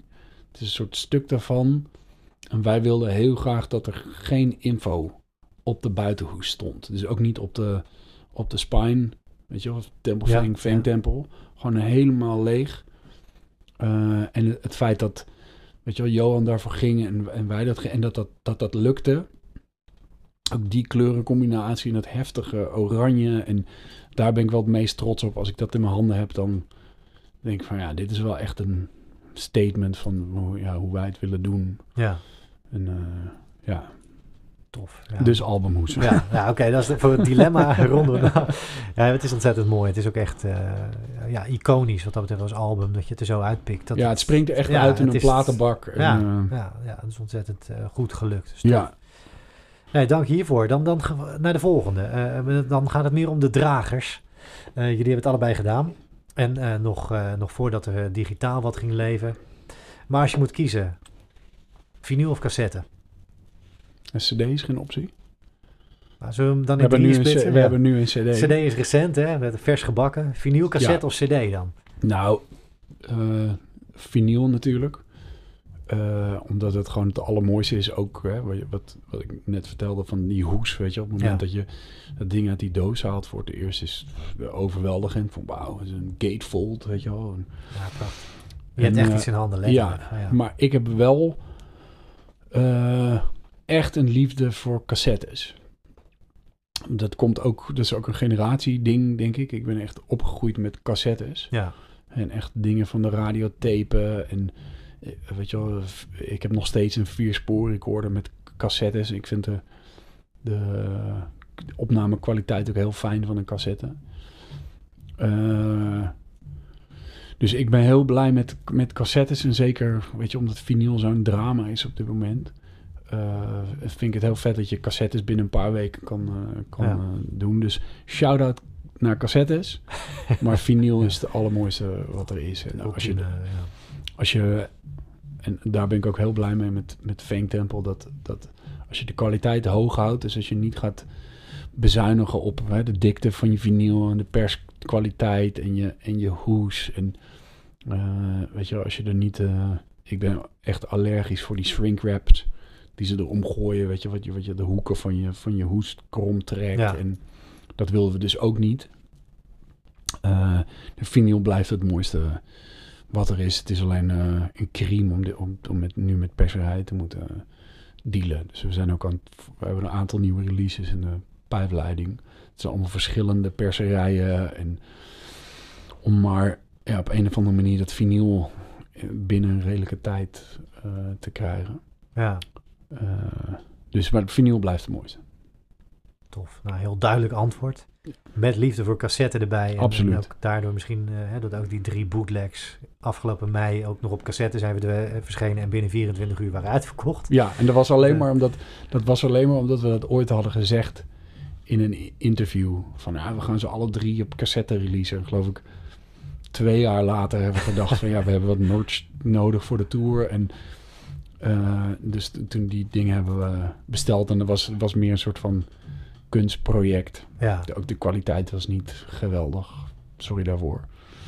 Eh, maar gewoon 30 van iedere cassette laten maken. Die waren ook zo weg. En tof. Ja. zeker niet de laatste cassette die we Nee. hebben gedaan. En ook is ik voor andere bands wel om mee te nemen als we dan toch dat soort van leermoment nog in willen bouwen in de podcast. Want een, een cassette is goed te doen en goed verkrijgbaar ook. En er zijn verschillende partijen in Nederland die dat ook voor je maken en kunnen, Ja, kunnen regelen. Dat, ja. ja, wij hebben het in Engeland gedaan, wat niet een geweldig idee was. qua brexit en moesten we onwijs veel invoerrechten Ah, ja. betalen en gedoe. En dat zeg ik, de, de, ja, ik heb weinig zicht op hoe dat, weet je wel, hoe zo'n cassette dupliceerfabriek er van binnen uitziet. Maar als je de kwaliteitsverschil tussen cassettes hoorde, hebben ze ook allemaal verschillende cassettedecks natuurlijk. Ja, Weet je, ja, dus het ja. komt er allemaal anders uit. En, en eh, dus volgende keer wil ik het waarschijnlijk toch in Nederland eh, proberen. Maar het is wel, wat ik zelf bij cassettes heb, is dat ik heb iets minder ik, qua ge- geluidskwaliteit. De cassette is toch een beetje een hebben dingetje. Terwijl ik bij het vinyl teleurgesteld ben als het niet geweldig klinkt. Vind ik iemand zijn home demo's op op, vier, op, op, op cassette, weet je wel, die op vier sporen cassettes zijn opgenomen. En als je dat op cassette hebt, vind ik, ja, vind ik vetter dan als je het op cd Ja. of op vinyl eh, gooit. Dus het is ook wat, het is wat laagdrempelig. Zo gewoon een cassette, weet je, het kost niks en het is leuk. En wat Ties volgens mij van Bongeloord vorige keer zei, je kan hem in je binnenzak Ja, precies. doen. ja. je, Ja. loopt niet met dat vinyl te zeulen. Heel praktisch, ja. ja, ik ben echt wel fan van eh, cassettes. Ik heb ook inmiddels weer een cassette deck. Kijk, Dus ik, ik eh, de return of de... Ja. ja. dus verzamelen is een groot woord, maar ik heb wel wat cassettes inderdaad. Tof. Nou, in ieder geval, eh, die shout-out is weer terecht hier Ja. de cassette. Zeker. Hey, de vierde, ja, dat is, dat is er een beetje een met een knipoog. Ehm, nou, niet dat ik per se een hele stroom aan, aan haat verwacht eh, op het medium, maar ik, ik, ik, ik heb wel een idee waar je heen gaat. Maar als je moet kiezen, Spotify of Bandcamp? Bandcamp. Ja, je hebt de liefde al uitgesproken. Spotify heel lang mee gewacht, maar was dat echt, Ja. jullie waren het vergeten, zei je aan het begin van deze aflevering. Maar is het ook echt iets waar je met elkaar een soort van, ja, wat ik zeg, misschien niet per se haat, maar nee, van geen, afkeer? Maar, ja, het is een klote systeem. Ja, ik vind echt Spotify echt een klote bedrijf. En, eh, en, ik, ik ben, lees de laatste tijd eh, in, de, in Guardian, de Engelse krant, hebben ze een serie over mensen hun, hun eh, luisterpraktijk. En hoe ze, dat, hoe ze dat doen. Weet je, ik heb dat ook. Weet je, ik heb een eh vinyl in de woonkamer. Weet je, dat is geconcentreerd. En dan heb ik een laptop met zo'n Bluetooth speakertje voor als ik aan het koken ben. En, ja, Weet je wel, dus verschillende in, mijn- in mijn soort kantoortje, studiootje heb ik weer iets anders. En, eh, en zeker in de, in de pandemie, eh, toen heb ik en Jeff en ook, weet ik, voor het eerst een Spotify abonnement genomen.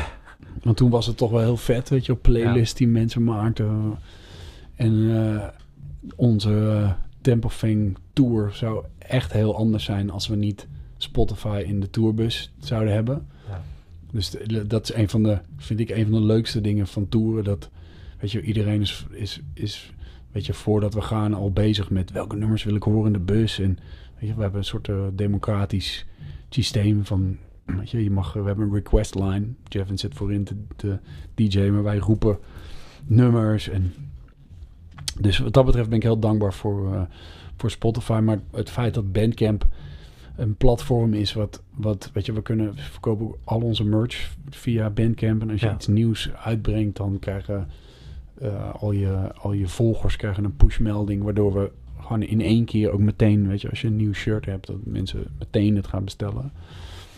Eh, dus Ba- Bandcamp is eh, geweldig. Ik hoop dat het, dat het zo blijft. Weet je, ze zijn overgenomen vorig jaar door een soort Ja. gekke gamebedrijf.